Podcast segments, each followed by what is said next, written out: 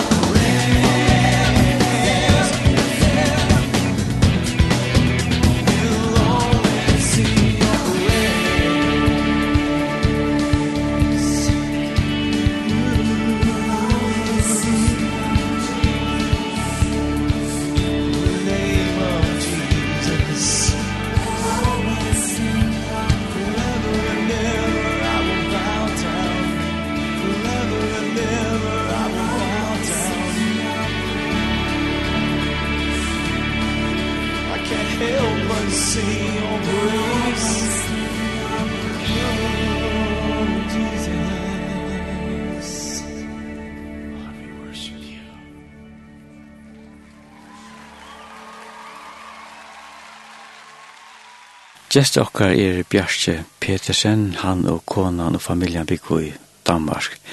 Bjarke, velkommen til sendning, ja. Takk for det, takk for indbydelsen.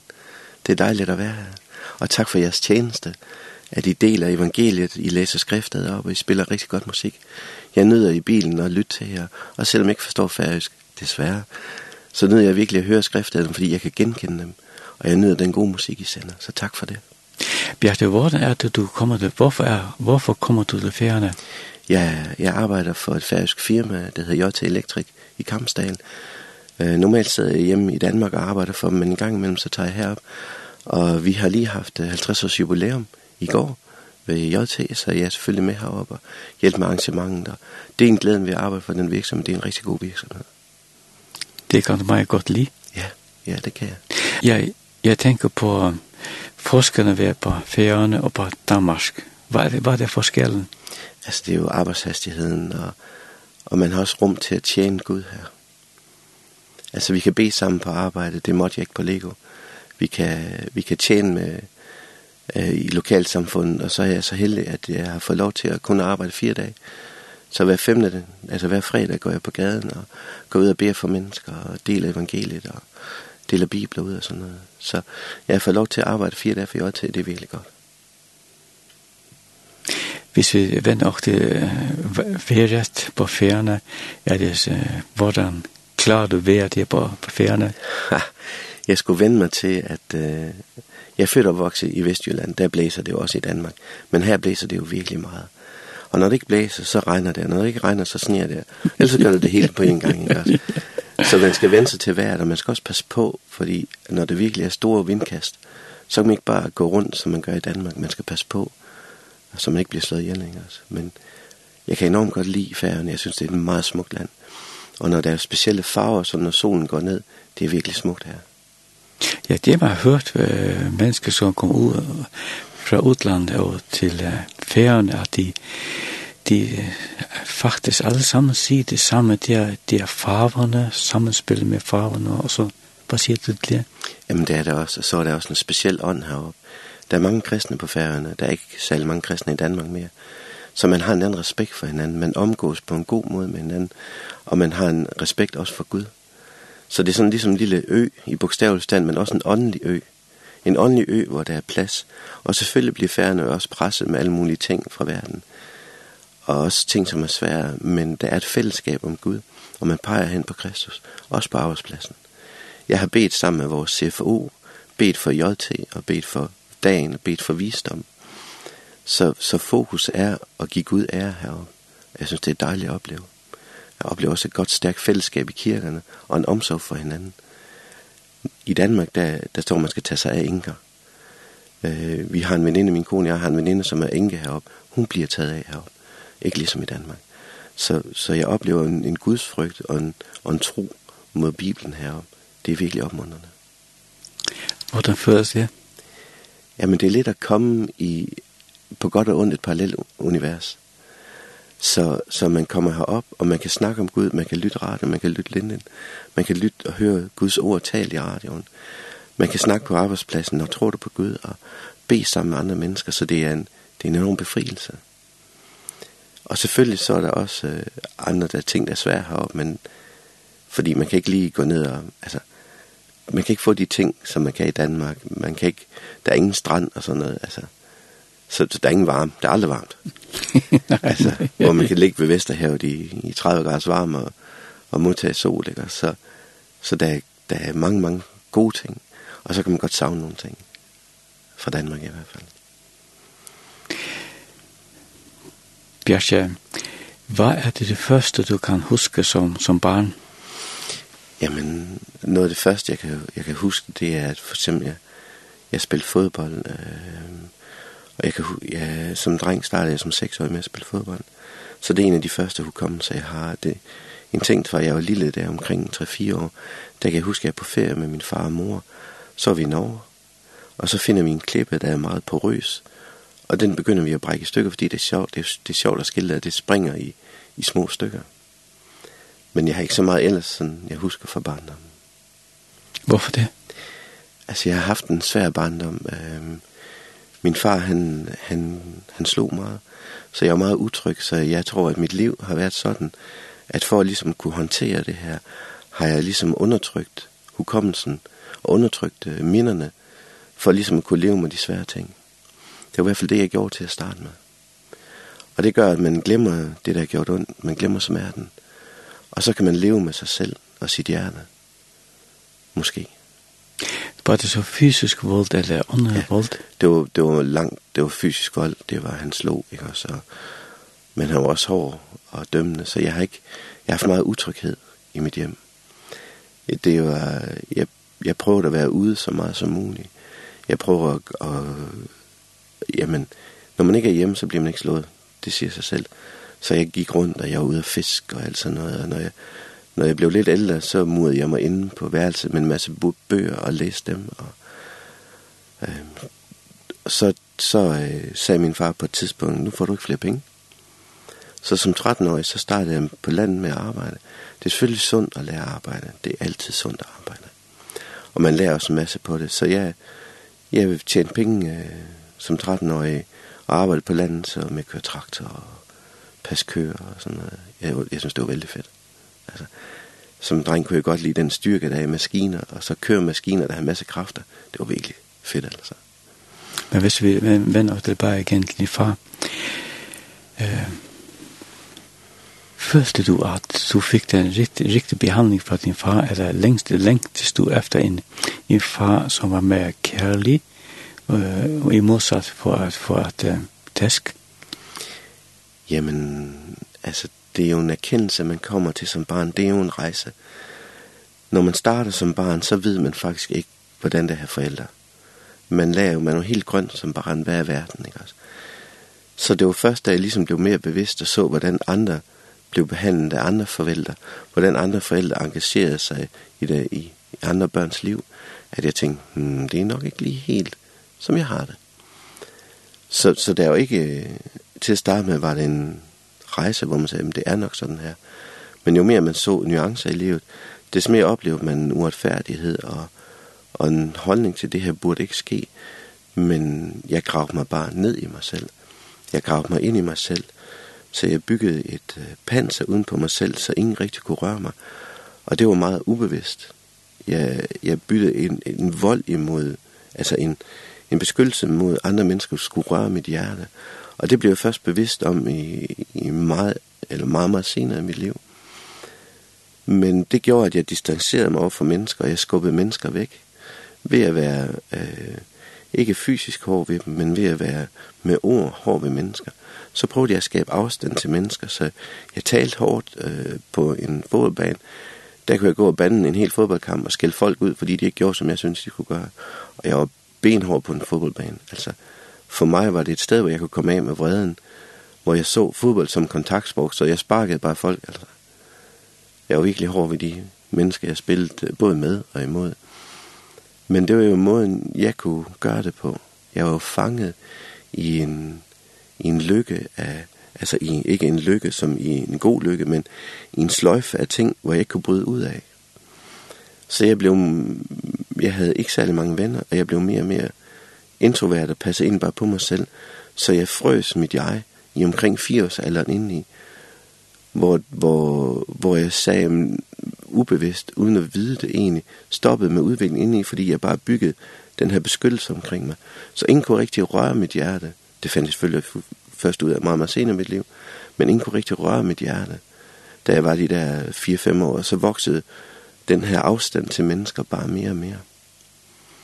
Så, så jeg var ikke så bevidst om, at det var dårligt om før senere. Jeg kunne bare mærke, at der manglede noget i mit liv.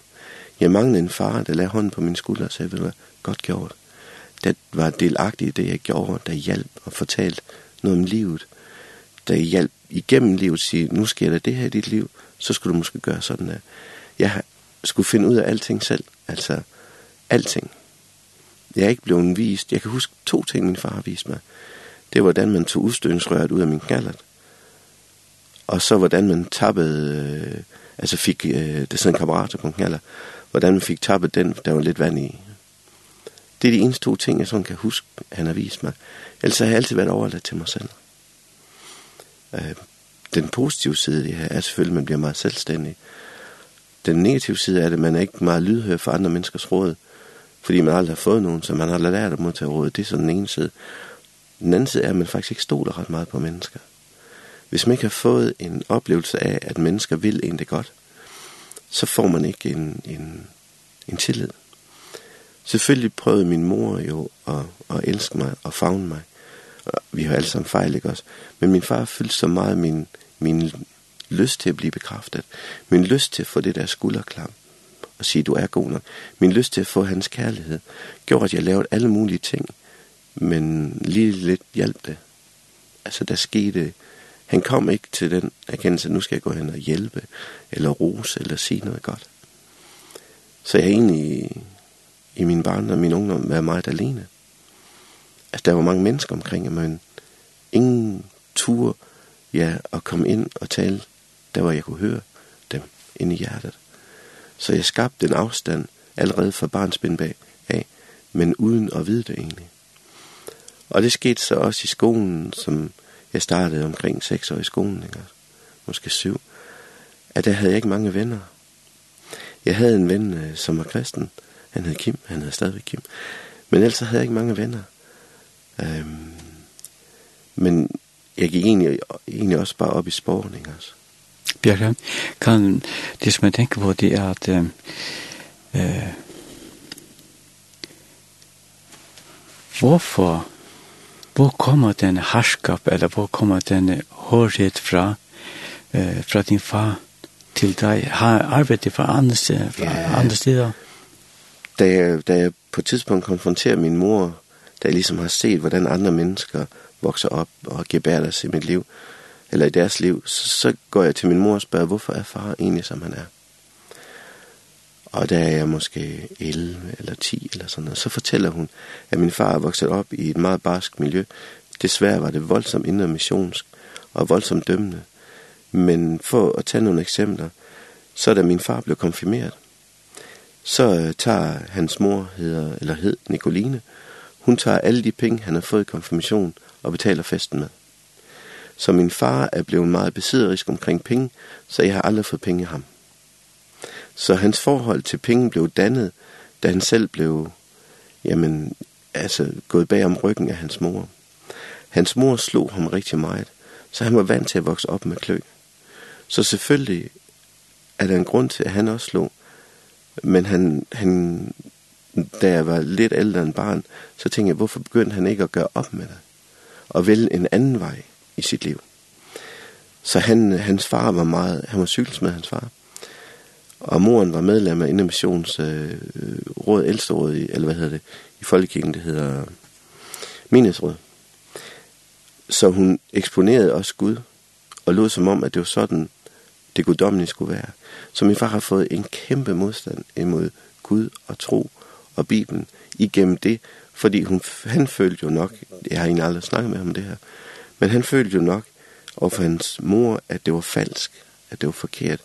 Fordi i kirken, der var hun å og i så god, og så gav hun bare nogle tæsk derhjemme, og hendes mand fik klø.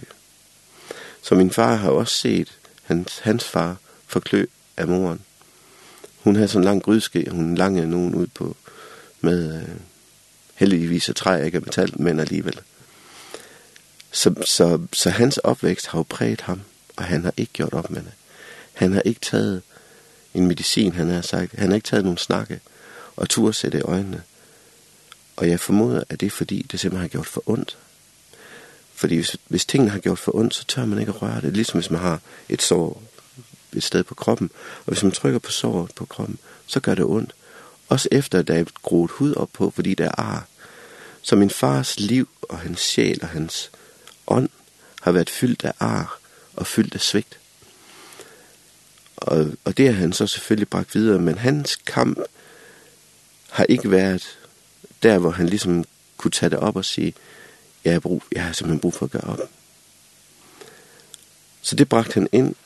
Jeg har fire søskende, eller vi er fire i alt. Så han har slået en af dem alle sammen. Så vi er alle sammen som søskende virkelig nogle ar på sjælen, hvor vi ikke, vi har ikke et fredfyldt hjem. Der var ikke helle Der var ikke, der var ikke steder, man kunne søge hen og være tryg. Det har præget min ældste søster. Hun, er, hun har ingen børn. Hun er gift. Hun havde en god mand, som hun blev skilt for, fordi hun ikke ville have børn. Hun er uddannet pilot, og faktisk karrieremæssigt øh, har hun tjent rigtig mange penge, så hun har gjort det godt, ikke også? Men hun har ikke rigtig bearbejdet det på den måde, så hun kan fungere. Og en ting, min far var enormt dårlig til, det var at tilgive. Så han har aldrig tilgivet øh, sine forældre. Så han har ikke lært os at tilgive. Så der er meget utilgivelighed i vores familie, og det samme med min far, der er meget utilgivelighed i hans familie, som han har taget med ind. Så, så, så væksten, min ældste søster, er, har egentlig distanceret sig og vil ikke have familie. Min næstældste søster, Heidi, hun sidder i den situation, hun er fraskilt og har fået tre børn med en mand, som var noget ældre end hende. Det hun gør som reaktionsmønster, det hun arbejder hele tiden, så hun ikke skal forholde sig til det, der gør ondt inde i hendes hjerne. Og, og det er der jo mange, der gør. Fordi flugt fra smerte, det har alle mulige afskygninger, det er alle mulige farver i livet. Min bror har også fået mange tæsk, og han har så arbejdet mere med det, men han har også fået flest klø. Han blev slået mest. Så han har virkelig ondt i hjertet, og har også samme holdning til, til kristendom og tro, så den har de arvet fra min far. Så der er ingen i min familie, ud af min mor, men der er ingen i min familie, der tror på Gud. Så den der blødgørelse, som Gud kan give i livet, den, har, den er ikke til stede. Så vores familie er ikke superfunktionel. min bror gider ikke være sammen med min far. Så de taler ikke sammen min bror og min ældste søster taler ikke sammen. Der har været et eller andet fra dengang jeg var barn, hvor de har diskuteret eller gjort et eller andet, hvor de har blevet nu venner. Jeg ved ikke lige helt hvorfor. Men de taler i hvert fald ikke sammen. De er ligesom hun og kat. Min næste ældste søster, Heidi, hun snakker med alle sammen, ligesom jeg snakker med alle sammen. Så, så min mor stod jo og så på det her og var lidt magtesløs. Og hvis vi lige hopper i begivenheden, det har faktisk gjort, at hun senere blev skilt fra min far efter 42 års ægteskab. Så, så det er der, hvor vi står i forhold til min far, så hans, hans bagage har han taget med i rygsækken. Og den er tung. Den har han bragt ind i vores familie. Og det er faktisk sådan, at min brors ser ikke sin ældste datter, og næsten heller ikke sin næste ældste datter, eller sin yngste datter. Så det er, det er ligesom Bibelen siger, at, at sådan noget her, det bliver det går i arv. Så min bror kæmper på samme måde med hans børn, som min far har kæmpet. Og, øh, og det, er, det er jo svært også at se på. Så, men han har så fået mere hjælp nu, altså fordi at den generation, som, som vi er i, der trods alt det er legalt at gå til en psykolog og få snakket med nogle ting, få løsnet op. Men, men han har ikke valgt Gud. Den eneste, der har valgt Gud, det er min mor, og det var 10 år efter, jeg tog imod Jesus. Der havde jeg bedt i 10 år, før hun tog imod Jesus. Så min fars sønner kan ses i, også selvfølgelig mig, og min bror, og i hans børn. Fordi hans børn også bitre, og har ondt i hjernet. Så når man ikke gør godt, eller gør op, så, så flyder det hele vejen ned i familien. Når man ikke får bearbejdet og tilgivet, så flyder det hele vejen ned i familien. Og jeg tænker, der er to ting, der er stærke i universet. Det ene, det er kærlighed. Men jeg tænker, det stærkeste våben mod ondskab, det er tilgivelse. Og det er også øh, et paradigme, jeg tror heller ikke, at folk, der ligesom har en erkendelse, er særlig gode til at tilgive sig selv, når de har lavet fejl på den måde. Så der kommer også en selvanklage. Jeg har selvfølgelig talt med min far om Gud og om tro. Og i mange år så tænkte han, det er, jeg har simpelthen tapsutten, altså. Jeg er ikke rigtig klog, altså. Men der er sket en forvandling med ham her på det sidste. Han er 83 år nu. Og på et tidspunkt, så tog min snak. Så sagde han til mig, Bjarke, du har jo et godt liv. Og det tænkte jeg aldrig nogensinde, jeg skulle høre fra min far. Det vil jeg godt indrømme. Jeg blev, som du ved, lige taget på sengen og tænkte, okay, var det lige, han sagde der. Men på et tidspunkt, så siger han til mig, Bjarke, du har et godt liv. Og så spørger jeg ham, hvorfor siger du det? Så fortæller han, hvordan han ser min kone og mine børn. Jeg har den bedsteste kone. Hun, Gud har virkelig udvalgt hende. Hun er bare en perle. Masser af empati, masser af omsorg, masser af kærlighed og en dyb forståelse. Og heldigvis også en god stedighed, fordi jeg har brug for en stedig kone. Ikke? Så han så min familie, og så en lykke, og så en fred og en harmoni, Så i dag kan jeg vidne om, at han siger til mig, 83 år gammel, efter at have levet et liv, hvor han har været, været hård ved alle mennesker, så siger han til mig, jeg vil ikke længere, jeg ønsker ikke længere at gøre mennesker ondt. Og så siger han til mig, det er stort for mig. Altså, min far siger til mig, det er stort for mig, jeg ikke ønsker at gøre mennesker ondt mere. Og så siger han til mig, at han beder om aftenen. Og så siger han, det giver jo en fred. Og han beder fader vor. Så han er på rejse mod en forløsning, mod at forløfte den byrde af. Og jeg beder for ham dagligt, at han tager imod Jesus, for at opleve den befrielse og den nåde, der er i at møde en far, der elsker ham. I at møde en, som er død for ham. I at møde Kristus. Så jeg er jo enormt taknemmelig for Gud, at efter så, jeg er selv 53 år ikke? Så jeg har været måske bevidst, lad os bare sige, i 43 år, om at der var noget galt og jeg har været ked af det. Så for mig er det jo en stor, stor noget, at Gud, han rører min far nu efter så mange år. Jeg har selv været kristen i 33 år, og jeg har jo bedt og bedt og bedt. Og det tager jo tid at bede mennesker tæt på Gud, fordi jo mere stedig man er, jo mere sårt man er, desto mindre tør man at lade noget røre en, desto mindre tør man at blive engageret i noget, som man for, altså, i hans mor blev eksponeret for, at var så ondt, fordi hun udråbte sig selv som kristen. Så for min far har det været en kæmpe rejse i at indrømme, at han beder. I at han indrømmer, at det giver fred at bede. I at indrømme, at han beder fader vor. Så jeg snakker lidt med ham om Bibelen, og beder ham og siger til ham, prøv at læse Bibelen. Og peger på de skriftsteder, som omhandler Kristus. Omhandler korset. Omhandler offret i Kristus. Omhandler, at han dør for os. Og den værdighed, der er i det. At Kristus har gjort os værdige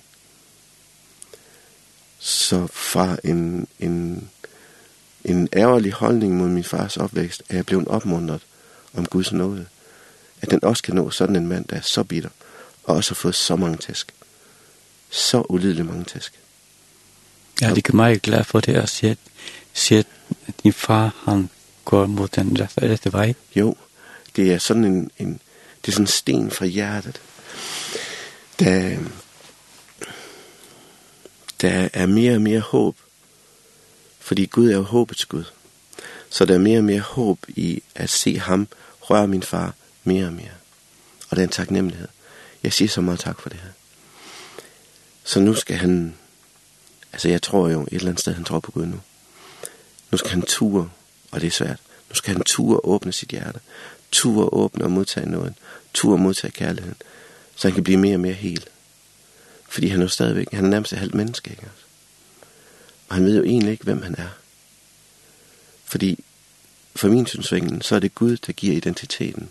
Han kalder os ved navn, står der i Bibelen. Så når Gud giver identiteten, så kræver det, at man er fra fællesskab med Gud, for at få Guds identitet, for at tur og modtage. Altså på en måde er det nemt at give kærlighed, fordi så mister du ikke noget selv, hvis mennesket ikke tager imod. Men det at modtage kærlighed, gør en sårbar, og hvis den ting, min far ikke vil, og en af alle de mennesker, jeg kender, der har været såret, såret, hvis den ting, de ikke vil, så er det at modtage kærlighed, for det vil gøre dem sårbare. Nu er min far så gammel, at han tør at gøre sig sårbar. Nu skal vi bare have det sidste med, at han gør sig helt sårbar, og siger ja til kærligheden. For den tror jeg vil forvandle på en helt ny måde. Og give ham en frihed, som han aldrig har haft i sit liv. Så det glæder jeg mig til. Da det var fire år, lengtes du efter at få en far som gav deg en krammer kross? Hmm. Altså, når man bliver, når man vokser op, så har man jo ingenting. Så er man jo som blankt stykke papir. Så man ved ikke, hvordan far burde være. Man ved ikke, hvordan familie burde være. Man ved ikke, hvordan søstene burde være. Så man møder jo verden med åbne arme på godt og ondt. Fordi det gode man får, tager man imod. Men det onde man får, tager man også imod. Så en længsel kom først rigtigt, da jeg oplevede at se andre mennesker få kærlighed. Hvor jeg tænkte, hvad var det? Selvfølgelig så prøvede min mor at give mig kærlighed, men fordi jeg var så bange for at modtage det, så jeg tog der imod, men ikke rigtig alligevel. Og min længsel som, som dreng og som ung mand, det er jo at opleve, at man, at man, at man får Gud. Øhm, eller man får en far, man får en fortrolighedsforhold, og man får en, der bekræfter en. Jeg tror, alle drenge, jeg kender i hvert fald længes efter den der hånd på skulderen, for faren og siger, det har du gjort godt. Og have en at spejle sig i, have en, der hjælper, have en, der viser vejen. Jeg tror, alle unge mænd har også oplevet et svigt, at de ikke alle sammen har fået måske ingenting, men i forskellige grader har fået en far, der har peget vejen, ikke også? Men man, man har jo en udvikling som mand. Først så er man sådan ligesom en, en eventyrer, ligesom Indiana Jones, man udforsker verden, ikke også? Man ser, hvad verden i. Så vokser man lidt op, så på et eller andet tidspunkt, så bliver man en form for, for kriger. Nu skal man indtage verden. Alle unge mænd vil jo gerne sætte deres mærke og efterlade en, en arv og en legacy, ikke også? Man ønsker at efterlade noget og sige, det er mit mærke, det har jeg gjort, ikke også? Og så på et eller andet tidspunkt, så vokser man til at blive løve. Så er der et eller andet kongerige, man styrer Det kan være i forskellige størrelser. Men på et eller andet tidspunkt, så når man og siger, at det her, det er mit territorie. Og, og sådan er mænd bare, ikke også? Og så vokser man forhåbentlig hen til at blive far, hvor det ikke længere er ens egen ambitioner, der skal styre en, men at man prøver at skal løfte andre op og løfte mennesker ind til at fungere. Og der, der slipper man igen forskellen mellem løven og faderen, det er, at man har ikke længere ambitioner selv, og slet ikke på de andre menneskers vegne. Hvor hvis man er løv, så kan man godt have tendens til måske at udnytte mennesker og putte dem ind til at hjælpe ens egens projekter, og det vil jeg gerne færdiggøre, det vil jeg gerne lykkes i, ikke også? Men faderskilsen går ind og, og hviler selv og siger, nu hjælper jeg dig, nu følges jeg med dig. Så når man som barn står, så tror jeg, at de fleste sukker efter, at faren tager en ved hånden og følelse sig, at nu skal jeg vise dig. Sådan skifter man en kæde, og sådan lapper man en cykel, og sådan fikser man en knallert. Eller hvad det måtte være. Sådan skruer man et stykke træ i og alt muligt. Men man længes efter at blive taget ved hånden og blive vist vejen. Også i forhold til, hvordan man omgås mennesker, i forhold til, hvordan man taler til mennesker, hvordan man er. Så, så det så jeg egentlig først efter noget tid, så til at starte med, så var det bare sådan en, jamen, hvad er det her egentlig? Og det var meget anderledes end, end dem, jeg så i skolen, ikke også? Hvordan deres forældre var ved dem, engagerer sig i deres liv. Og det var først der, det egentlig gik op for mig, at, at det måske var en barndom, som andre mennesker havde en barndom. Og så så jeg og blev lidt misundelig på de andre ting. Hov, der var en far. Jeg havde en kristen kammerat fra første klasse, så når jeg var ude ved deres hjem, så så jeg jo en far, som var der. Det var ude på landet, hans far var landmand, så de var ude på en gård, og der var jeg jo tit ude. Så der så jeg en anden form for liv, en anden form for familie, en anden form for fællesskab.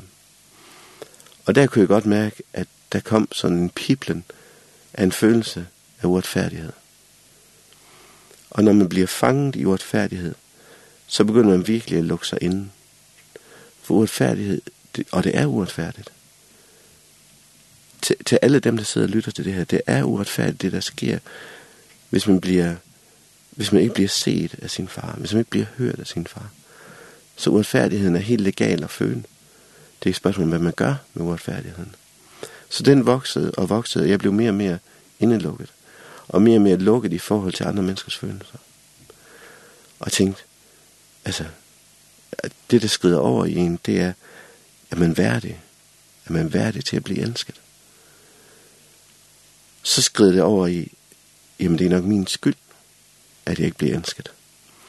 Og når skylden så har vokset så stor, så bliver den skam. Så skammer man over sig selv. Man skammer sig over, at man ikke gør det godt nok, man er ikke god nok, man er ikke klog nok, eller hvad det måtte være. Og, og når man først står over i den plads, der hedder skam, så skal det virkelig meget til at rive en ud af en og komme hen til fra uretfærdighed til værdighed. Og den skam, det, er, det er sådan en lukket boks, hvor man putter den Der er jo ingen, der ønsker at vise skam. Så den putter man ind i sådan en stor boks med lås og slå, og, og den putter man bare ned og gemmer den dybt ned under beton. Så, så jeg voksede langsomt fra at have et panser, og til at bare støbe beton og al den smerte, al den svigt. Og det var bare mere og mere beton.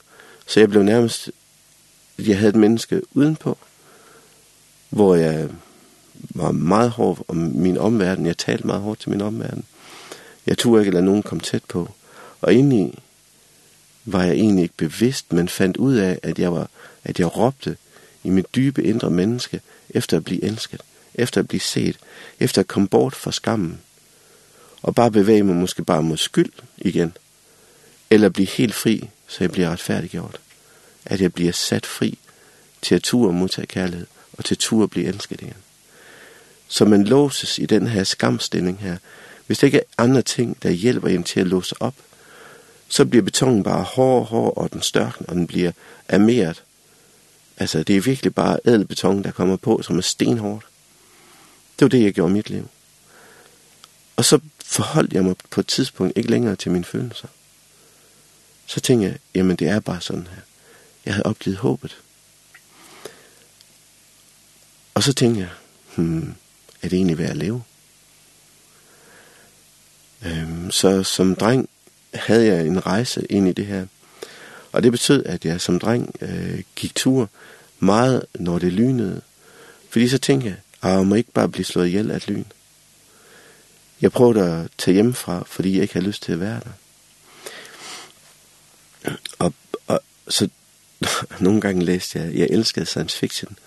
Det var sådan noget med rumskib og sådan noget. Så jeg tænkte, åh, må jeg ikke blive bortført af et eller andet rumvæsen? Øh, jeg tror ikke på Gud, så, men må ikke blive bortsat omvisen, så, så jeg ikke skal være her på jorden mere. Så jeg prøvede at flygte fra den smerte, fra skylden og skammen, som man nu kan som lille dreng, fordi man ikke ved, hvad man gør. Og man har kun nærmest en instinktiv forståelse af, det er forkert, det er uretfærdigt. Man burde ikke have skyld og skam over sig, fordi det kommer fra en voksen mand, som egentlig man godt kunne sige burde vide bedre, og burde have arbejdet med det, så man bliver fange af omstændighederne, fangen af smerte egentlig. Og, og til sidst, så, så bliver det bare lukket under betongen. Og der kan man som, som dreng og ung mand, det kan man ikke grave op selv. Der er man nødt til, han er udefra, der sprænger betongen og, og, og siger til en, du er værdig. Du, du er værdig til at blive elsket. Du skal ikke have skyld. Du skal ikke have skam. Så Så jeg følte mig enormt uværdig. Og det gjorde så også, at, at, at de mennesker, der så velmenende ord, prøvede at bekræfte mig og sige, at jeg var god nok og alt muligt, inklusive nok min mor også, dem hørte jeg slet ikke på.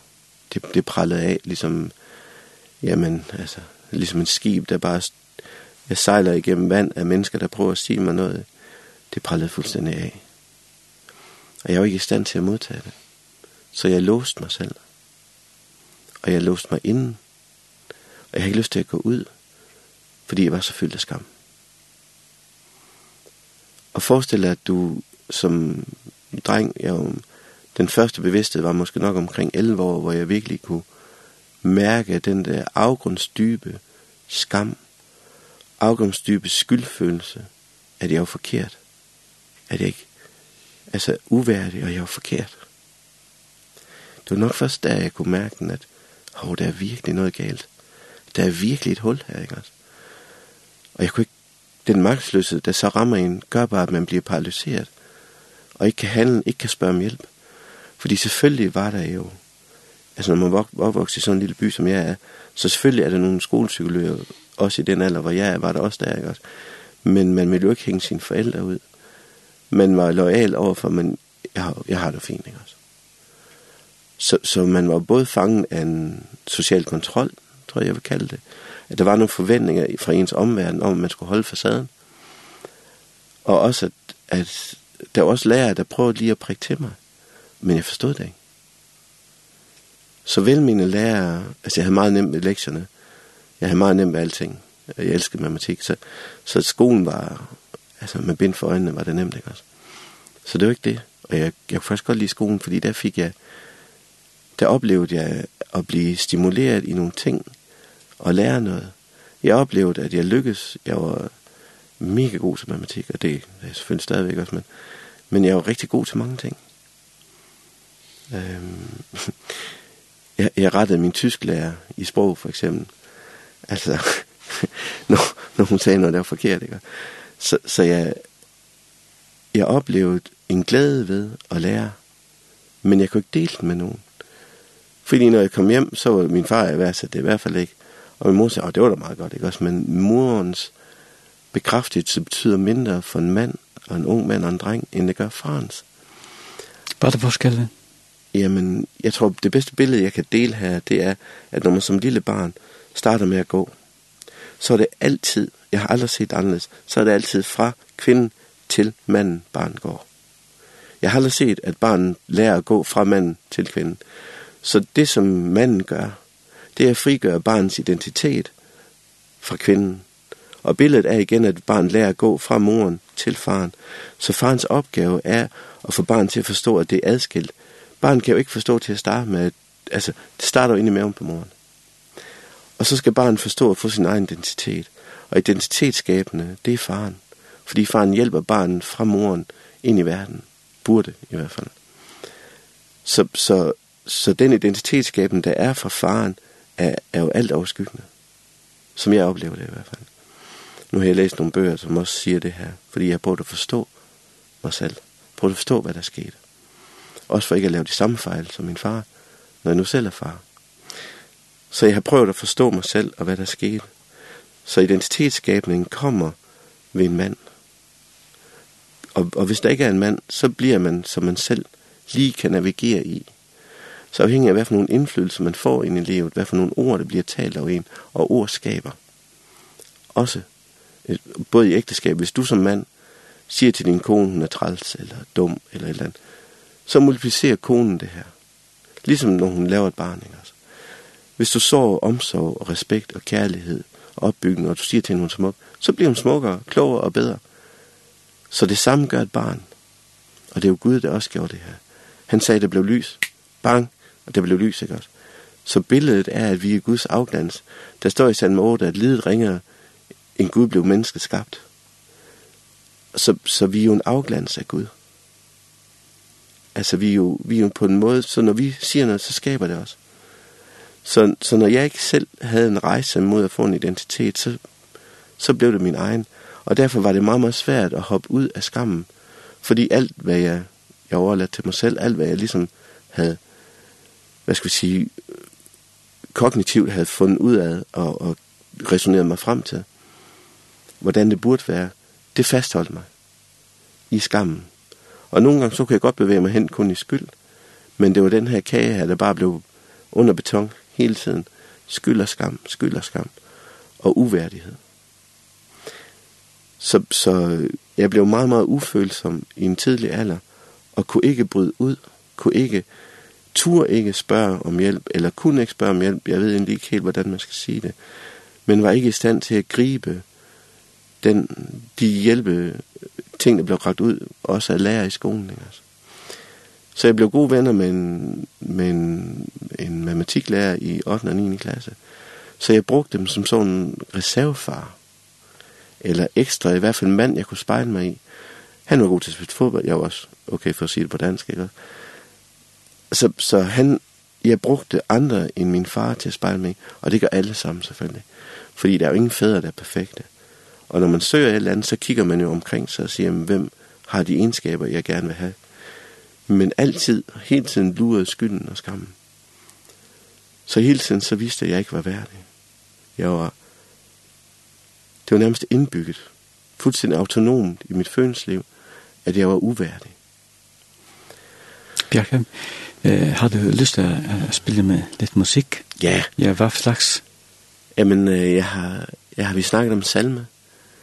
Eh, så hvis du bare tager den første fra listen, det vil være super.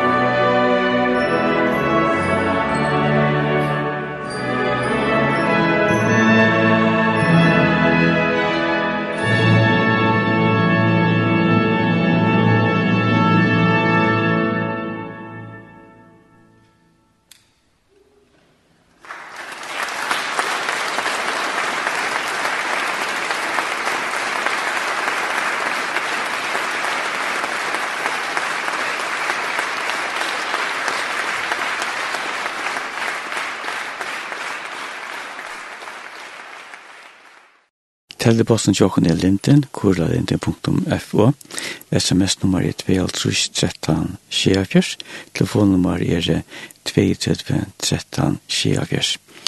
Gjest okkar er Bjarke Petersen, han og konan og bøttene på ut Danmark.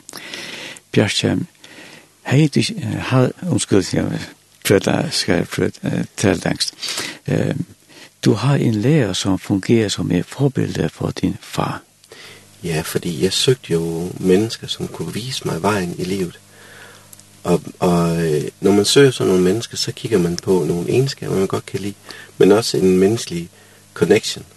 Og jeg havde en god, altså det der hedder rapport i, i rigtig, han har sagt coachsprog, så søgte jeg en rapport med ham, og vi, blev, vi snakkede rigtig, rigtig godt sammen. Og jeg blev rigtig glad for ham, og han synes også, det var fedt at snakke med mig, tror jeg. Så på den måde, så, så var det en spejling i ham, og senere i andre mænd, som jeg ligesom prøvede at tilrette mit jeg. Fordi jeg kunne godt mærke, at der var noget galt. Jeg kunne mærke, hvordan andre mennesker reagerede på min vrede, og jeg var fyldt af vrede. Fordi skammen og uretfærdigheden skaber en vrede, og den bliver bare dyb, og den bliver benhård. Så vreden den gjorde, at jeg ligesom var svær at være sammen med. Og jeg spillede meget fodbold. Det gjorde så også, at jeg var benhård på en fodboldbane. Blev de ensom også? Fuldstændig. Men det var bare en del af smerten. Så jeg vidste jo ikke, at man kunne være ikke ensom. Altså, jeg har jo ikke kendt andet. Så, så det er ligesom, hvis, hvis du nu har slået armen, og Gud ikke reparerer den, så går du bare rundt og smerte hele tiden, så det bliver en naturlig del af dit liv. Og jeg var også en vild dreng. Altså, jeg lavede også mange skøre ting, ikke også? Altså, jeg kan godt forstå, at min far han også var lidt sur på mange gange. Altså, på altså, det vidste han selvfølgelig ikke, men, men jeg havde en knallert. Og på et tidspunkt, så han havde en motorcykel, den kørte meget hurtigere end min knallert, ikke også? Så den tog jeg racede rundt på, og så var det sådan en gammeldags motorcykel, hvor man så kunne stille kilometeren tilbage ved at dreje takoen, Så han kunne aldrig se, at jeg havde bøffet den. Så jeg hældte benzin på, så det passede med at det, jeg havde kørt. Og den kørte, den kunne køre 150 km i timen. Det var mega hurtigt, når man er øh, under 16. så, øh, ja, jeg lavede mange skøre ting. Så havde jeg også, min far havde en firmabil, og den tog jeg så, da jeg var 16. Og så vidste jeg sikkert, hvornår han kom hjem. Jeg håber ikke, han talte kilometer, for jeg kunne ikke sætte kilometeren tilbage. Jeg riser triptælleren, men ikke andet. Så, så, så på et tidspunkt, så kom han tidligt hjem. Så er jeg min kammerat ude ved stranden, ude ved Vejers, det er 40 km fra mit hjem. Så ringer han, det var sådan en gammeldags mobiltelefon, sådan en NMT, sådan en kæmpe en, der var i bilen.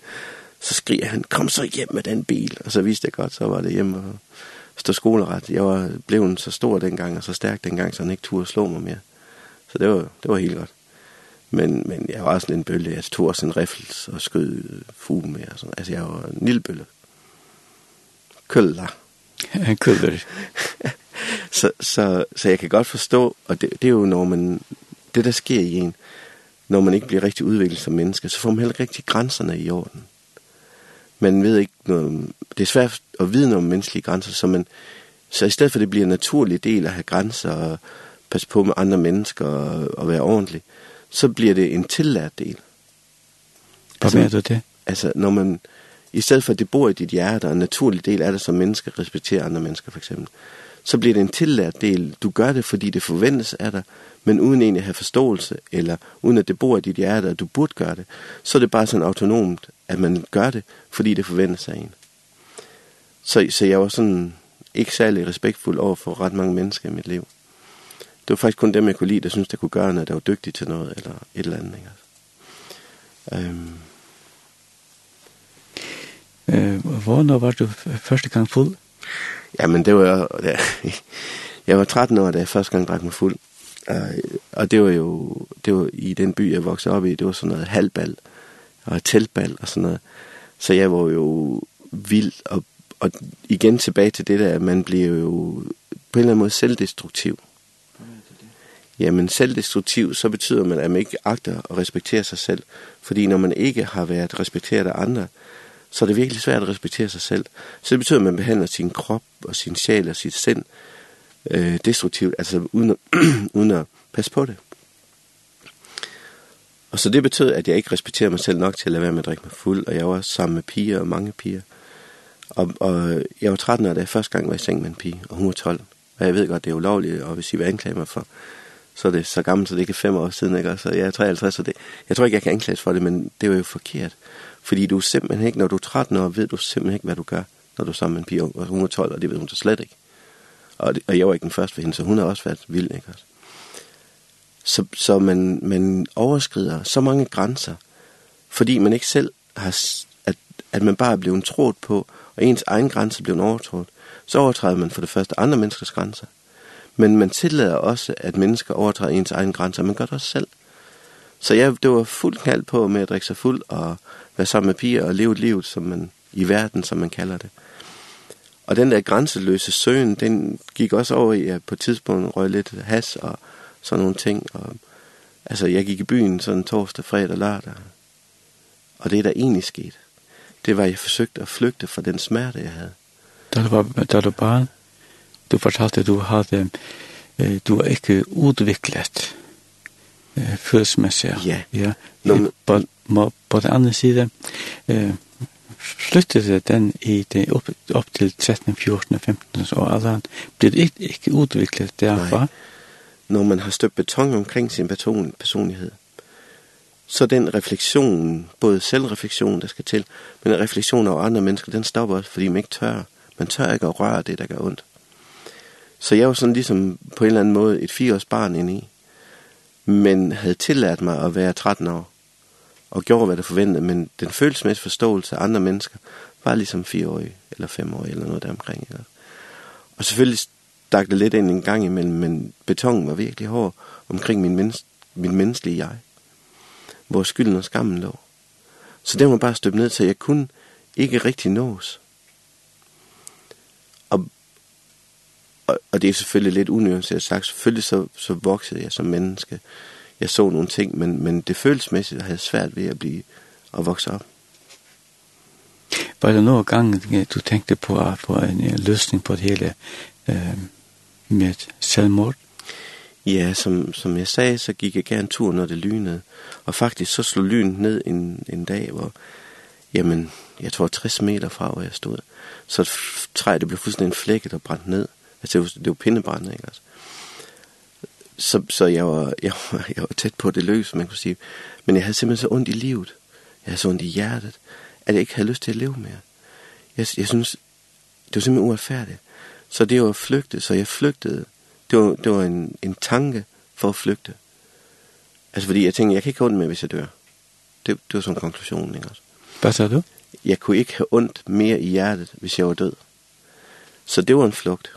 Og, og på alle måder, så, så flygter vi jo alle sammen fra smerte. Og det var jo bare min måde, det var at tænke på at, at dø og at være væk fra jorden. Det næste dag, jeg så prøver at flygte i, det er alkohol. Hvor når man drikker sig fuld, så kan man ikke mærke, man kan ikke mærke noget som helst faktisk. Jeg har gået 10 km hjem i en snestorm i skjorteærmer, som 16-årig.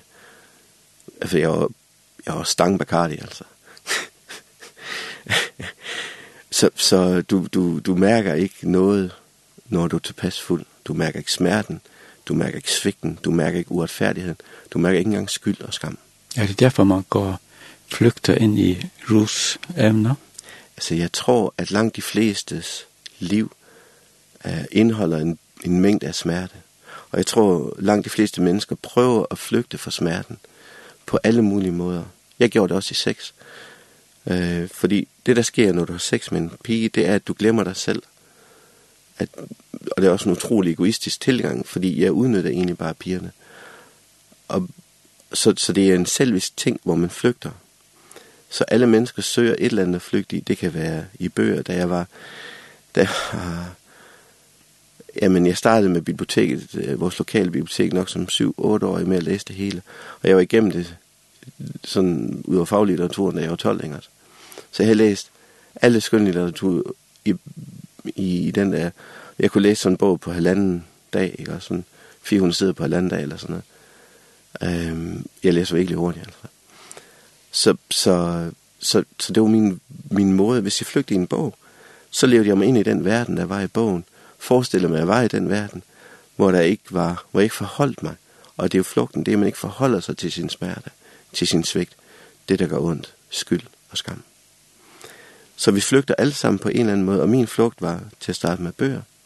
Så var det sex og druk. Bjergstjern, har du lyst til at få en, en sang? Åh oh, ja, jeg vil gerne have, at vi spiller nærmere Gud til dig. For mig der betyder den, en, det er et billede på fællesskab med Gud, og det er et billede på en åndelighed sammen med Gud. Så nærmere Gud til dig.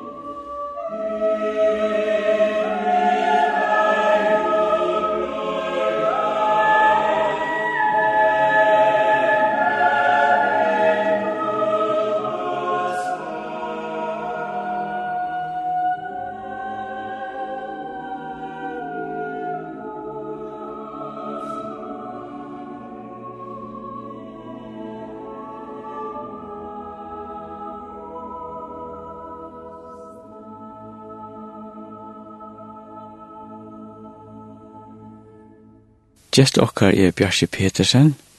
Han og kona bygga i Danmark.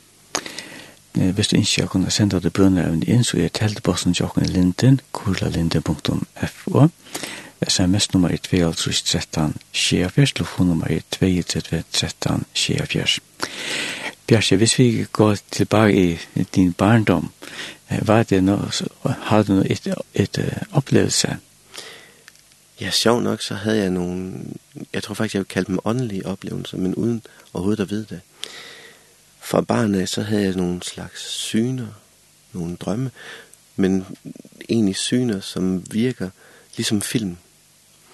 Så jeg kunne se mig selv i en situation, hvor der skete nogle ting, og så havde jeg en advarsel, hvor hvis du vælger at sige eller gøre en ting, så sker der noget dumt.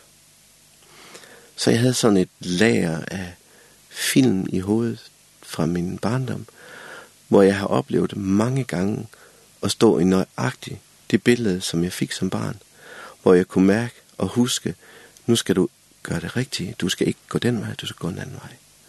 Så jeg tror, at Gud har vist mig som barn en omsorg ved at hjælpe mig til at tage nogle valg i mit liv, som var rigtigt, uden at vide, at det var Gud. Øhm, Og jeg oplever jo en stor frihed i, at, at Gud han på den måde har ledt mig. Men det var virkelig så levende som en film, altså. Og, og det var helt til den sidste detalje, jeg stod i, i de situationer. Det har både været øh, tidligt i ungdomsårene, men også langt ind i mit arbejdsliv. Hvor jeg har set en ting, hvor jeg kunne mærke, hold op, Gud har sørget for det her allerede dengang. Øhm, og jeg kan egentlig stadigvæk opleve sådan nogle ting, men dengang var det meget, meget tydeligt. Måske også fordi jeg var meget alene der, men det var meget, meget tydeligt. Så for mig var Gud ikke et begreb i mit liv. Det var, det var, Gud var meget fremmed for mig. Og det viste sig også i min opvækst, fra jeg var de der 13 år, hvor jeg bare gik i byen. Og, øh, jeg gik i 9. klasse i den lokale folkeskole, hvor jeg så stoppede med at snakke med ham Søren, ham matematiklæreren der. Så kom jeg i gymnasiet, og så blev det bare endnu vildere. Altså, jeg begyndte at spille i et band, og det var jo mega hyggeligt. Også, altså. Men det var også, det var bare gang i festen, altså. Tak for kaffe, der var gang inden, ikke også? Jeg lavede ikke så mange lektier. Men jeg forholdsvis nemt ved det, så, så jeg kom igennem, men jeg lavede ikke så mange lektier. Faktisk ingen.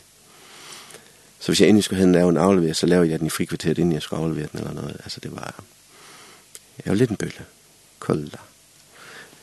Og, og min, bar, min ungdomsår, der, altså de gik bare op i at, at spille fodbold og arbejde, piger og skole. Og da jeg så begyndte at spille i band, så var prioriteringen, det var, ja, det var sport, band og arbejde og piger og skole. Så jeg havde ikke sådan en, jeg, igen kunne jeg ikke mærke mig selv i det. Så jeg gjorde det, det gav den mest mulige flugt for smerten. Så valget var ikke bevidst og nærmest øh, autonomt, ud fra en, et succeskriterium indeni, der, jamen hvis jeg gør det her, så glemmer jeg smerten. Så glemmer jeg det, der ligger under betongen. Eller jeg kan ikke føle det. Igen, hvis man er sammen med en pige, så fokuserer man jo på sig selv og den her pige, man er sammen med, og så kan man glemme smerten. Jeg tror, det er derfor, at man i dag har sådan nogle apps, der hedder Tinder, Tinder det er sådan et sted, hvor man kan se et menneske, og så kan man sådan skubbe dem til højre eller venstre. Og hvis, jeg kan ikke huske, hvad for en der har været, men den ene vej, så synes man ikke, de er noget værd.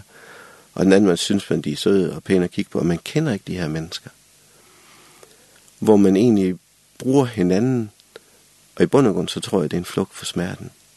At man, I Danmark er man, er man meget fokuseret på udseendet. Så den her app her, Tinder, der, der går de ud og finder en, de synes, der er pæn, og så har de bare sex med vedkommende. Uden at forholde sig til det indre menneske.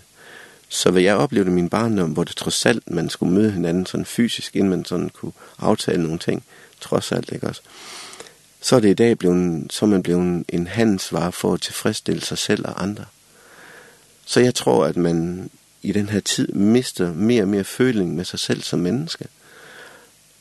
Og også flygter for smerten, fordi Hvis der er noget der i Danmark, der har vist undersøgelse, så er det, at man er voldsomt ensom. Ensomheden kalder man folkesygdom i Danmark. Og der er 846.000 mennesker, der lever single i Danmark over 18 år. Og det er jo det er ikke alle, der har valgt at være singler i hvert fald. Så, så der, er en, der er en ud, altså, der er en, en meget omfangsrig mængde af mennesker, som sukker efter fællesskab, og kan mærke smerten i ensomheden. Men som jeg oplever det, og, og det kan godt være, at jeg tager fejl, men som jeg oplever det, bedøver det i at være sammen med andre mennesker. Så det var nok egentlig bare den trend, jeg startede med som ung menneske der, fra 13 år op efter, ikke også? Og jeg oplevede altså mange også fede ting, fordi i gymnasiet, så begyndte man jo også at sætte nogle nye ord på ting. Så der fik jeg stille og roligt taget nogle af tingene op fra betongen og kigget lidt mere på. Hvor, hvor man jo sat, man havde nogle forståelsesparadigmer, som det hedder, at man har en selvforståelse. Man talte om både, altså vi havde jo alle mulige fag, hvor man begyndte at forstå på mennesker, ikke? Hvorfor historien, hvorfor gør mennesker, som de gør? Hvorfor var Hitler sådan en bølle, ikke? Altså. Så, så det satte nogle flere ord på mig og hjalp mig faktisk. Og fællesskab og musikken Jeg kunne også flygte væk i musik. Så hvis du står i et band og spiller sammen, så skaber man en form for enhed. Dem, der har prøvet at spille i et band, ved nøjagtigt, hvad jeg snakker om.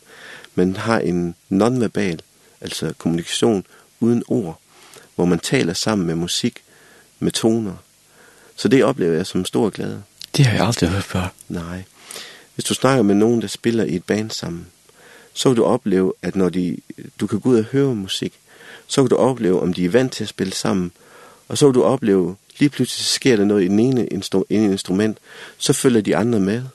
Hvis de for eksempel spiller højere, eller lavere, eller langsommere, eller de stopper for eksempel i en lovsang, de stopper med at spille musik, så det kun er kapella. Det er den måde, kommunikation kan være. Du kan prøve at lægge mærke til det.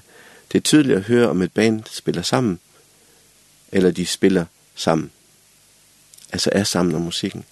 Så der oplever jeg et, et sjovt fællesskab, som jeg sådan undrer mig over, Og siden har musikken egentlig betydet for mig, når jeg så fandt, jeg fandt egentlig bare et nyt sted, jeg kunne flygte hen. Så for mig er det at sætte hovedtelefoner på, egentlig også i en tidlig alder, men det, jeg blev mere bevidst på gymnasietiden, at der var det også en måde at flygte hen til, så musikken kunne skabe en ro, tror jeg, jeg vil kalde det. Måske også en flugt, fordi jeg levede mig ind i en anden verden. Øhm, Følte det sig godt? Ja. Altså, al flugt væk fra smerte, er jo godt. Fordi jeg stadigvæk ikke var i stand til at se det i øjnene. Jeg blev mere og mere bevidst om, om skammen og skylden i gymnasiet, og kunne godt mærke, at min moralske, min moralske kompas var nok en anelse ud af tur, men jeg ignorerede det fuldstændig. Altså, men jeg kunne godt mærke, at der er nok et eller andet, der ikke lige helt, som det skulle være. Også, også det med at udnytte piger, og jeg kunne mærke, at ah, der er et eller andet her, ikke også? Men jeg ignorerede det. Jeg fortsatte bare, ikke også? Jeg stoppede ikke op. Bjørte, når du er 73 år i dag, og når du kigger tilbage i dit liv, mm. hvordan føles det? Amen, for at foregribe radioudsendelsens gang her, så tænker jeg i dag, at jeg er dybt taknemmelig, og jeg er dybt taknemmelig til Gud for, hvad han har sat mig fri for, hvad han har givet mig. Så på den måde, så har han skabner helt nyt. Er det dejligt? Jo, og jeg kan vidne om, at det gamle er forbi, og når nyt er blevet til. Fordi på et tidspunkt tager Gud fat i skylden og skammen. Men på den anden side, når det var barn, og som siger, at du er gammel, ja. når det kigger bare på dit liv, at Gud har haft sin omsorg på dig selv gennem alt det smerte du har gået og det i dag? Hvor der føles det? Jamen, det skaber en taknemmelighed i mig, og jeg kunne ikke dengang se, at Gud havde omsorg. Men det kan jeg jo nu. Fordi jeg følte jo, det er voldsomt uretfærdigt. Og jeg følte det var urimeligt. Og det ikke burde kunne ske. Så, men, men, men det var følelser, som jeg bare hang i, og ikke kunne finde en vej ud af. Det var ligesom labyrint, ikke også? Altså. Jeg stod indenfor inden jeg kiggede i mig selv og siger, jeg har en skam, jeg har en skyld. Jeg forstår godt, hvor det kommer fra. Men det var ligesom en lænke, man slæbte efter sig. Og det var tung. Og jo mere man prøver at løbe, des hårdere slæbte lænken så ned i jorden, ikke også? Så det, så det er jo nærmest en plov, ikke også? Øhm. Men i dag har Gud gjort noget nyt. Og det kan godt være, at vi lige skulle, vi lige skulle vente Bare tænk dig om. Ja, og fortælle, hvad der skete i mit liv. Fordi da jeg er, da jeg er i 3.G, så får jeg en kæreste. Før i tiden, der var piger, det var en gang, eller måske en uge, måske en måned. Men jeg ville ikke binde mig til et andet menneske. Fordi hvis jeg binder mig til et andet menneske, så kan jeg jo risikere at miste. Og igen det der med at miste kærlighed, det gør jo en sårbar. Og hvis der var en ting, jeg ikke ville, så er det blevet sårbar. Jeg er blevet sårt rigeligt i mit liv, tænkte jeg. Så jeg igen, der var det betongen, der gjorde sig, at jeg vil ikke engagere mig i andre mennesker. Jeg vil ikke have, at de engagerer sig i mig. Så igen, så skubbede jeg dem væk. Men i 3.G mødte jeg en pige, som blev sådan rigtig kæreste med. Altså. Og jeg flyttede til Odense, og vi begyndte at, at bo sammen og sådan noget.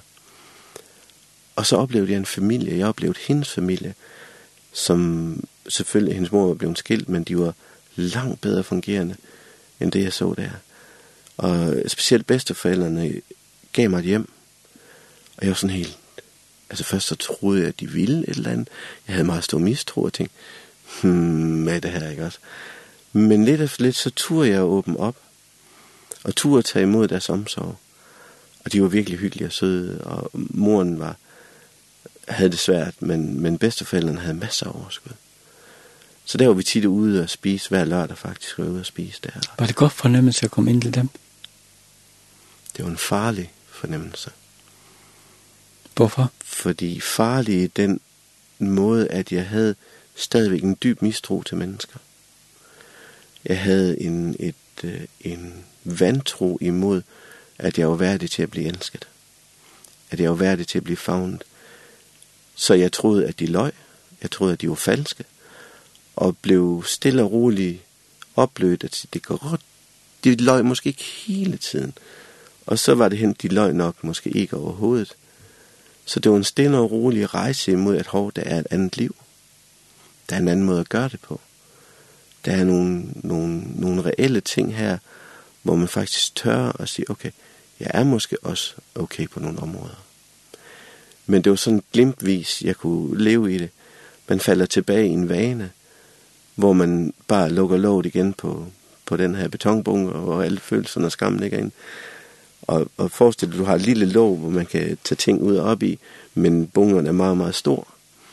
Så en gang imellem, så turde jeg putte noget ned i, og det byggede da mit menneske lidt op. Og det byggede min selvforståelse op.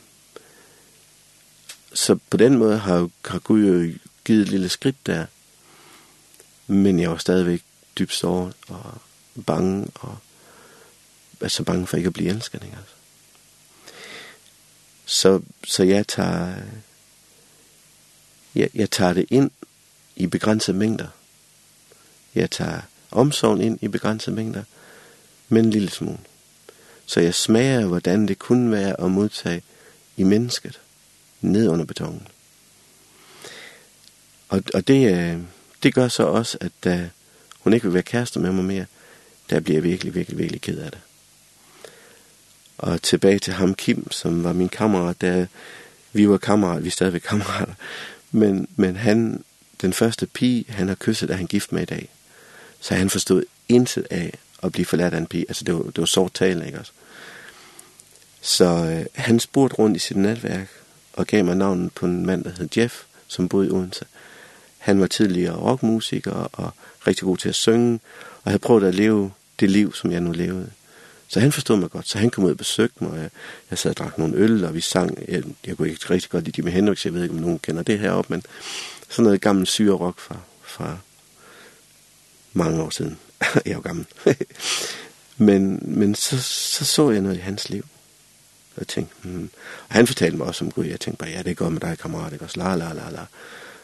Men ved i, så tænkte hmm, var der alligevel et eller andet her, det er jo lige godt underligt, altså. Det er det, som jeg tænker på. Øh, hvis man tager det liv, at det er små mængder af guldkorn, som er kommet, det. Mm. Eh, vad man säger det, ind i det hjerte, et på og den andre, det säger, er det sådan?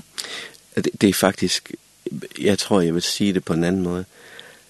Gud har forsøgt at hælde mange, mange, mange guldkorn på mig, men fordi lemmene i betongen var lille bitte, så er der kun få guldkorn, der kom forbi min selvkritik, min selvfordømmelse, mit manglende selvværd og manglende lyst til at udsætte mig for fare. Så Gud har skyldt mange guldkorn min vej, men jeg har ikke taget imod. Jeg har ikke villet eller kunnet, eller var fanget i det, Så i bagklokskabens ulideligt klare lys, som vores statsminister i Danmark engang sagde, så kan jeg jo godt se, at Gud har haft omsorg. Men jeg har ignoreret det fuldstændig, mand. Altså, ja, det er godt. Ja, det er godt. Og tager, og tager afstanden fra, fra mennesker, der egentlig har forsøgt at ville mig det godt. og, og, og al respekt for de mennesker, der har prøvet det, det har jo været enormt sødt. Og jeg er faktisk ked af, at jeg ikke sådan på et senere tidspunkt kunne komme til mange af dem og sige, du, du gjorde faktisk forsøg, ikke altså? Og det tror jeg faktisk mange mennesker i dag oplever, at mange andre vil dem det godt, men på grund af smerte og svigt og skyld og skam, så skubber man Gud, gode mennesker væk fra ens liv. Og, og det tror jeg er en indbygget ting i os som mennesker, at der er, en, der er et forsvar, ikke også? Forfar, forsvar mod igen og prøve smerten. Lidt ligesom som hvis du kommer til at lægge hånden på en kogeplade, så trækker du der faktisk autonom nervesystem ind i hånden, som begynder at trække musklen sammen, før din hjerne reagerer Så det er lokale ting, der får din hånd væk, før du, din hjerne registrerer det. Det er faktisk mega smart. Kroppen er mega sej. Men det er jo lidt det samme, hvis du har hånden på kogepladen, så vil du gerne trække den væk. Og når mennesker har været såret mange gange, så vil de jo ikke, de vil jo ikke brænde sig igen. Så nu står jeg i den her situation og har fået nogle guldkorn ned, hvor hjertet kunne mærke dem. Og tænkte, hmm, jeg længes faktisk efter mere. Men Så er det Åh, Gud, han bliver virkelig lidt guldkorn mere. Ah, det var egentlig rart. Nøj. Og sådan har det været, hvor mennesker og Gud selv har gjort det. Da den her pige har forladt mig, det er der meget få mennesker, der ved det, jeg fortæller nu, så gik jeg faktisk rundt. Vi havde så natkirke i Odense. Der gik jeg ind, jeg kunne ikke sove ret godt om natten, fordi jeg bare havde ondt indeni. Jeg var så træt af det. Jeg stod faktisk på motorvejsbroen og kiggede ned på lastbilen og tænkte, hvis hun hopper ud foran den lastbil, er jeg så sikker på at dø. Jeg har ikke lyst til at leve mere.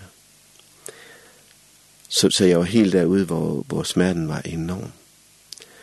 Fordi den, de få guldkorn, som hendes bedstemor og bedstfar faktisk har puttet ned i mit hjerte, og også hende selv selvfølgelig, de var jo rare. Men hold op, hvor var de farlige. Og hold op, blev jeg såret igen, da hun forlod mig og hold op, hvor kunne jeg genkalde hele barndommen. Ligesom tryk på en knap, så blev alle ting lige rejst op igen. Dik, dik, dik, dik, dik. Nå, jamen, der skete også det, og det, og det, og det, og det, og det, og det. Jamen, det var det samme. Ikke? Gik jeg... alt i sort? Ja. Fra at jeg sådan gik lidt i byen, så gik jeg meget i byen og drak sådan forholdsvis voldsom en tid. Ikke? Altså. For at dæmpe smørsten? Lige præcis. For at flygte. Så, så altså, jeg gjorde virkelig også mange dumme ting, ikke? Også, men det var virkelig massivt.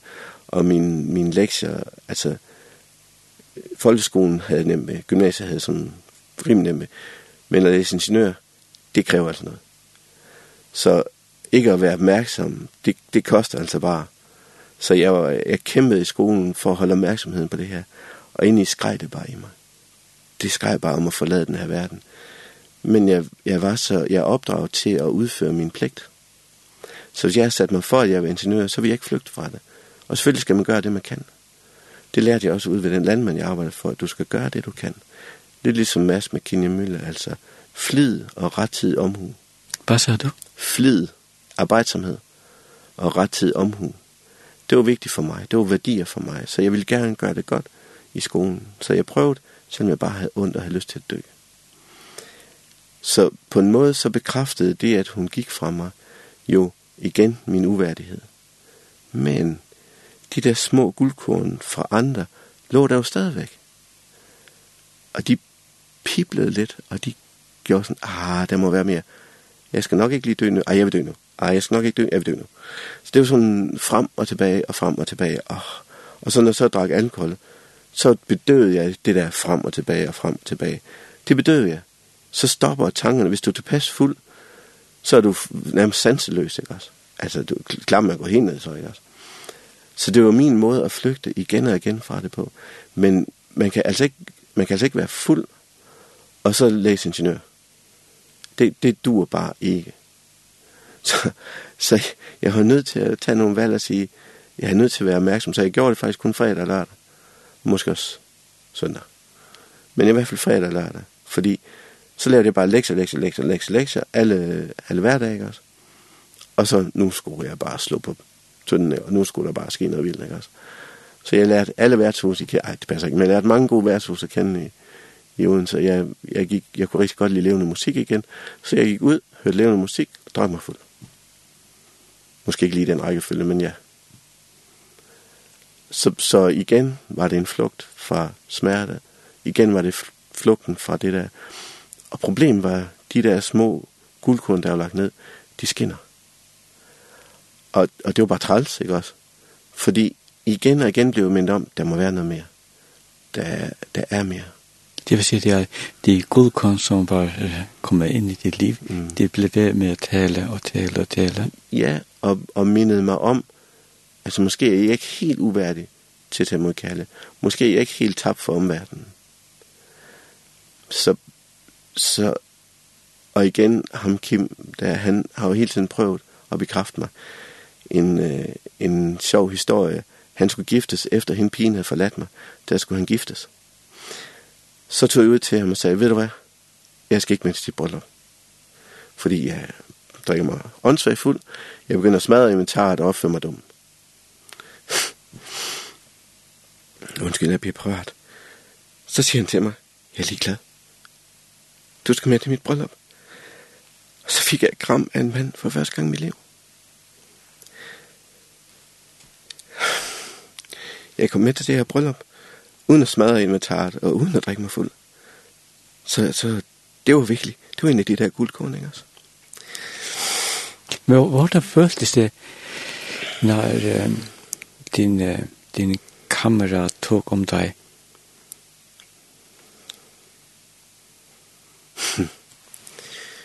Det er nok svært at sætte ord på, fordi jeg var jo fyldt af forsvar, men jeg var også så ked af det, så jeg kunne som et forsvar, fordi jeg var ked af det, var smuldret. Så på den ene måde turde jeg at tage imod, og på den anden måde så turde jeg ikke at tage imod. Så jeg var hunderej. Og jeg tror også, det var derfor, at jeg ikke gjorde noget dumt under bryllupet, Helt vildt i hvert fald. Altså, jeg havde ikke forstand på, hvordan man skulle komme til bryllup, så jeg kom i et hvidt jakkesæt. Og så troede de, at jeg var budgommen. Og så tænkte jeg, nej, altså jeg vidste ikke, hvordan man gjorde. Så, så jeg stod ved siden af bruden, og så kom krofatter hen, da vi var til festen, ikke også? Og så talte han til mig, som om jeg var budgommen, ikke også? Så tænkte jeg var ikke så klog. Så jeg ikke, det var før internettet, hvor man lige kunne læse, hvad gør man, hvordan gør man det her, ikke også? Så jeg kom i et hvidt jakkesæt. Det var nok pænere end en budgommens jakkesæt. altså, Så det viser, hvor lidt jeg egentlig har lært af sociale kompetencer, ikke også? Og det tror jeg er et vigtigt ord, vi, vi nok skal vende tilbage til. Sociale kompetencer er for mig, jeg startede jo på minus 5.000 i sociale kompetencer, så omgang med andre mennesker har jeg skulle lære virkelig, virkelig meget. Øhm, så de her guldkorn, de blev ved med at arbejde. Og Jeff, der er ham tidligere rockmusiker, han prikkede jo bare til mig. Fordi han fortalte om Jesus, om tro om Gud. Han fortalte om korset. Han fortalte om Guds kærlighed. Så fra at jeg var totalt afvisende, jeg kan ikke elskes, jeg kan bare ikke elskes, så havde de der guldkorn, som Gud havde tvunget ned, tror jeg, jeg vil sige, de, de glemte, der kunne jeg godt mærke, så, så det han sagde, der skete noget i mig. Bjarte, når, når det var til brydoppe, har det så vidt øh, øh, dress på, Og hvis man så tenker på at uh, du som fire år gammel kjørte disse støpte så for deg, så du ikke fikk utvikle deg. Mm. Er det noe med det jeg gjør? Ja, men det har også noe med det jeg gjør. Fordi når du ikke utvikler deg, så er du ikke i stand til å håndtere smerte. Du er ikke i stand til å se deg ud af, altså, det som man skal løse problem. Så hvis et følelse, ens følelsesmæssige jeg, altså den, det følelsesmæssige og de sociale kompetencer, når de ikke udvikler sig, så har man ikke nogen håndtag til at, at håndtere specielt sådan noget som tilgivelse. Jeg har jo lært og fundet ud af, at tilgivelse er en utrolig stor magt, og magten går ud på, at når man tilgiver, så binder skammen ikke mere, så bliver skylden ikke mere, så har den ingen magt. Fordi det, jeg tilgiver, så bliver jeg fri. Og det var faktisk det, som jeg på en eller anden måde, jeg tror instinktivt, sukkede dybt efter, det var frihed. Og så sad ham Jeff og var træls og sagde, Gud giver frihed, jeg har bare lyst til at slå med boldtræk også. Han vidste slet ikke, hvad der skete ind i mig. Men det var lige ind, hvor jeg tænkte, mm! altså, fordi jeg sukkede sådan efter den her frihed. Jeg sukkede sådan efter at være fri for skyld og skam. Og så han og sagde de der ting, jeg, det var bare træls, ikke også? Fordi jeg synes jo stadigvæk, at kristne ikke var rigtig kloge.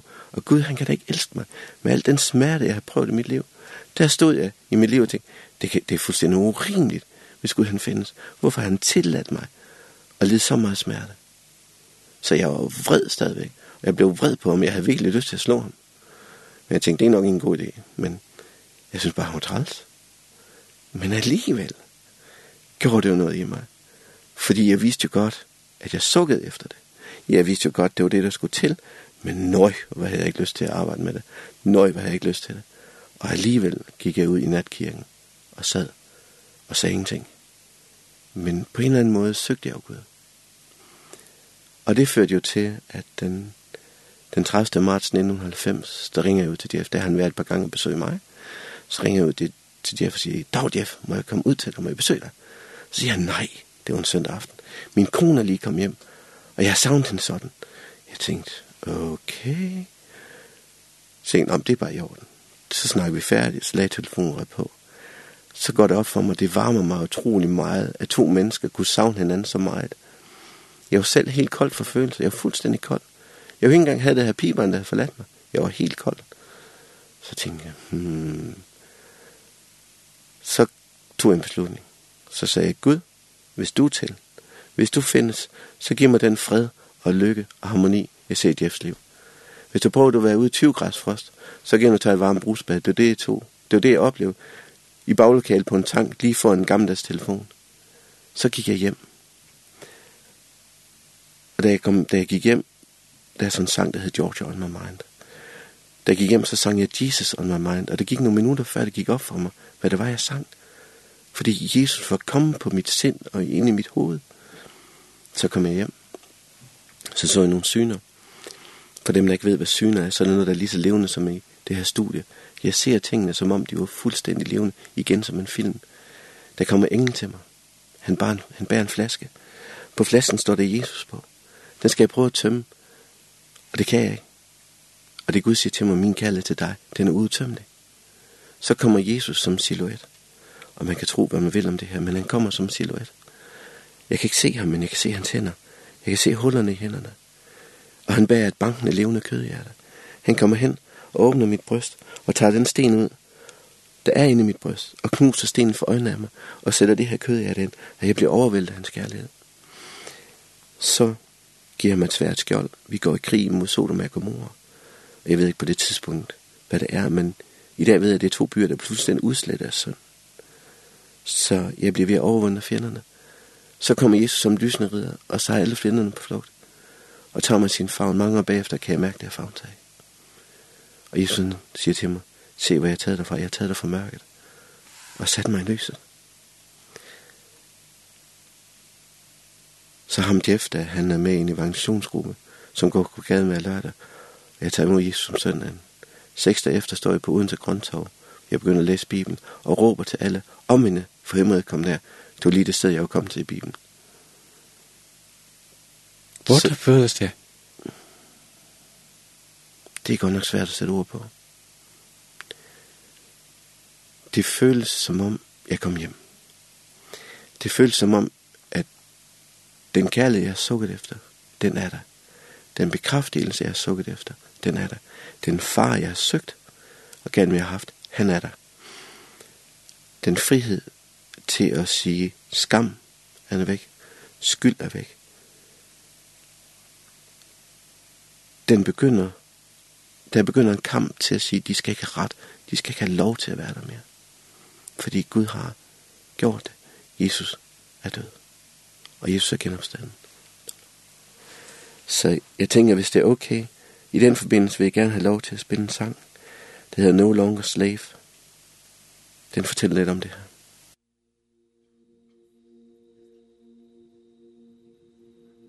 You are a With a melody You surround me with a song. Of deliverance From my enemies Till all my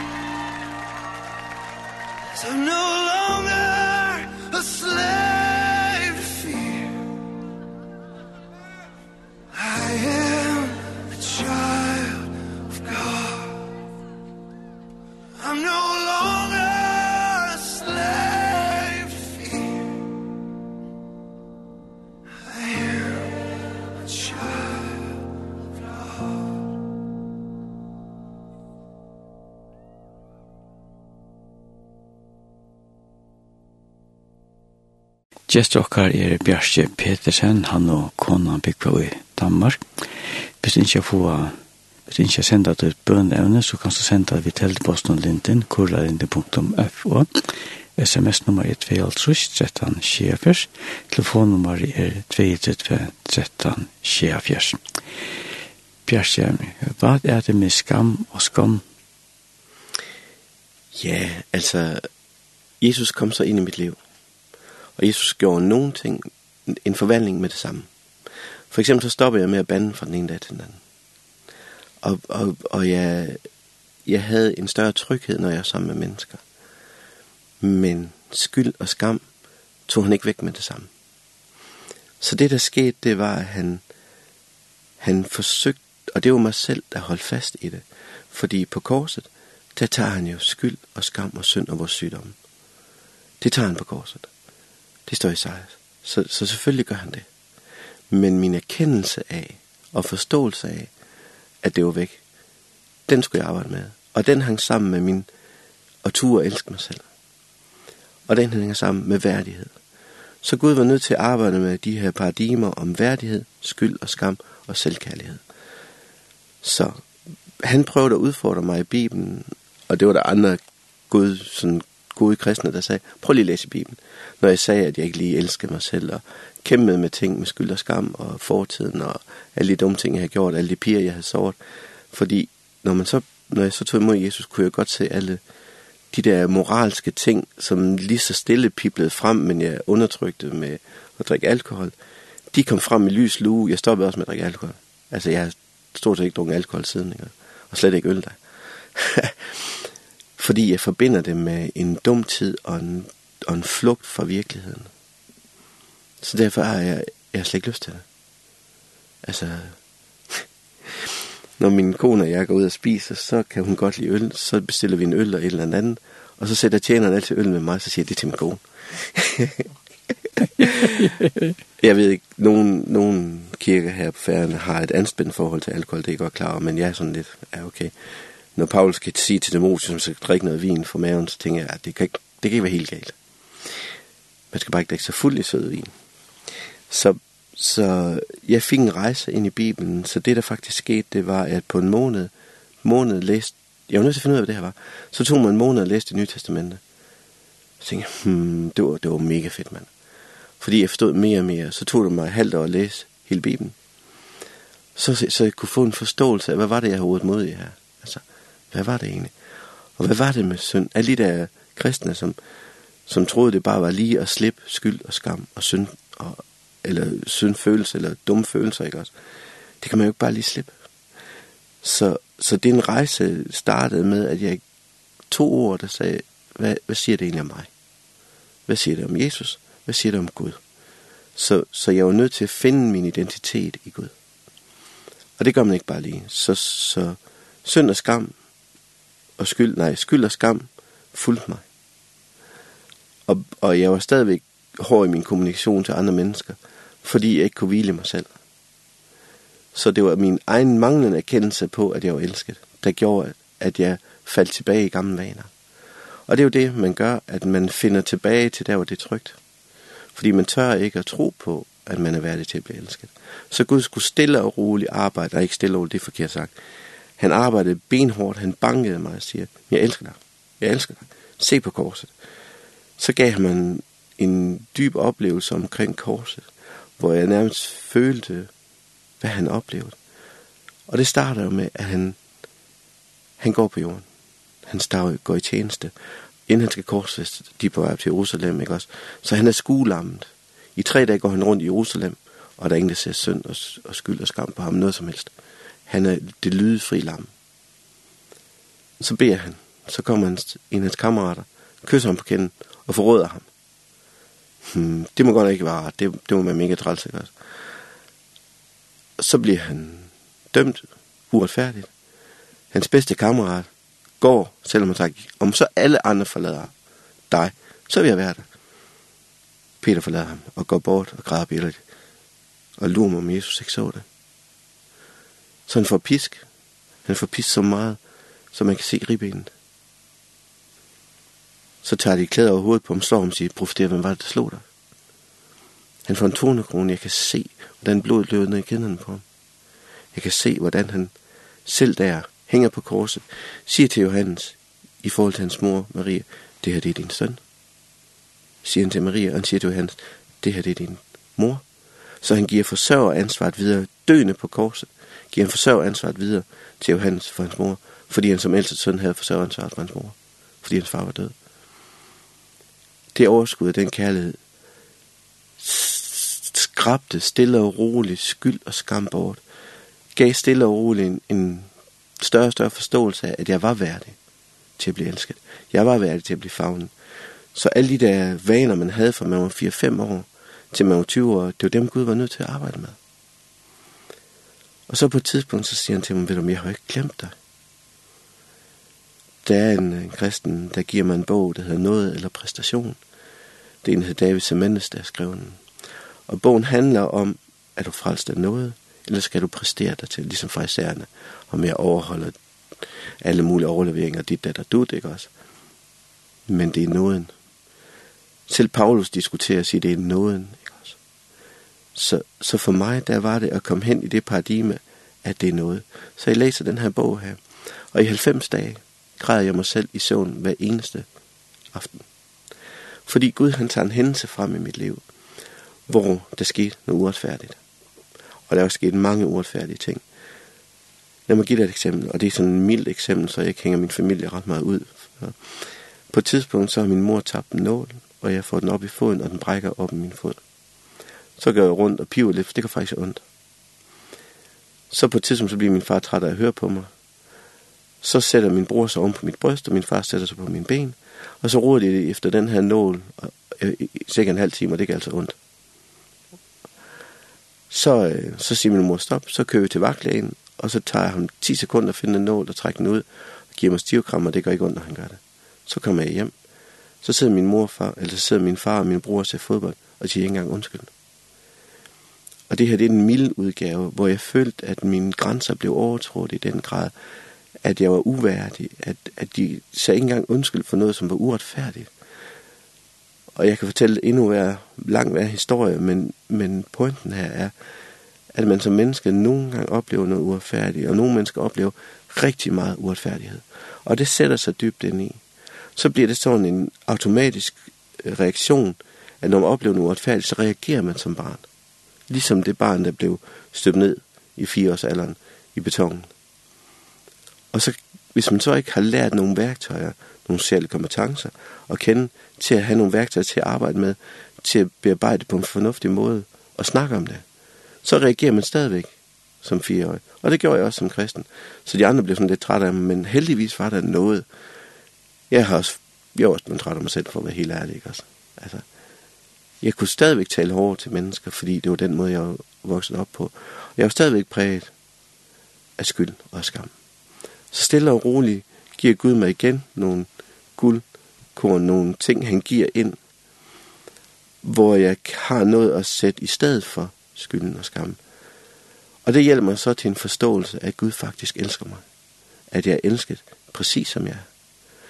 Og i bund og grund drejer det som identitet. Fordi jeg får en rejse imod fra at være et eller andet menneske, så bliver jeg barn af Gud. Jeg får afret til det himmelske. Jeg får øvrigt også evigt liv som, som bonus, by the way. Så, så identiteten som Guds barn giver mig troen på, at Gud faktisk er min far. Og i den proces er der en forløsning mod faderbilledet, mod at rejse, mod at stole på mennesker, mod at stole på Gud. Han faktisk vil mig det godt. Og som, som menneske, så er jeg meget aktiv, så er jeg også meget aktiv i kirken, ikke også? Så når jeg starter med at stå på Odense Grøntag, og seks dage efter jeg tog imod Jesus, det fortsatte jeg jo bare. Jeg er med på alle mulige outreaches. Så omkring tre måneder efter den her oplevelse med Gud, der er jeg i Nykøbing Sjælland. Der er et sådan outreach, der flytter ham Jeff, han flytter faktisk til Nykøbing Sjælland, han, får, han er også ingeniør, han får et job derovre. Så tænker jeg, vi skal derovre derovre. Så, så vi tog, jeg tror fem, men jeg kan ikke huske, vi tog nogle mennesker derovre. Og jeg ved ikke, hvordan man gør. Så på et tidspunkt, så siger jeg, Gud, nu vil jeg snakke med et menneske om, om dig. Så øh, jeg ved ikke, hvad jeg skal gøre. Så jeg stopper en mand og fortæller ham min historie om, hvordan jeg mødte Gud. Hvordan Gud gav mig et kødhjerte. Og faktisk så er det sådan. Om aftenen kommer han med til et møde. Han bøjer knæ. Fysisk bøjer han knæ og giver sit liv til Jesus. Og i dag er han et tjenende medlem i den kirke lokalt. Så, så jeg kunne godt mærke, der var et eller andet. Og, og der er mange velmenende kristne, som siger en hel masse ting til mennesker, der er nye i troen. Og en af de ting, jeg fik at vide, at du skal finde dit kald. Og man bruger nogle ord, man som ny kristen overhovedet ikke forstår. Altså man taler et, et farisærsprog, kanansprog. Så jeg skulle lære et kristens sprog og kristens sproggrundlag at gøre. Så når mennesker, det var en af den ældste, der sagde til mig, du skal finde dit kald. Så først skulle jeg lige finde ud af, hvad det var. Altså kald, dum, de dum, de dum. Hvad er det? Og da jeg så ligesom havde fået styr på det, så spurgte jeg Gud, og så tænkte jeg, hvor svært kan det være? Så spurgte jeg Gud, da jeg om aftenen gik rundt og sagde tak for den her mand, nu har taget mod Jesus om, igen om natten. Så sagde, jeg, så sagde jeg til Gud, hvad er mit kald egentlig? Hvad, hvad skal jeg gøre? Hvad skal jeg tjene med? Så sagde han til mig, der er to ting, du skal gøre. Du skal dele evangeliet, og du skal tale profetisk. Og jeg kunne godt forstå det der med, med dele evangeliet, men profetisk, dum, de dumme er jo det lige. Så det læste jeg også en hel masse om, ikke også? Så jeg havde også en rejse ind i kristenheden, tror jeg, jeg vil kalde det. Jeg var et blankt stykke papir. Jeg havde ingen referencer og præferencer og ingen ord i en ny sammenhæng.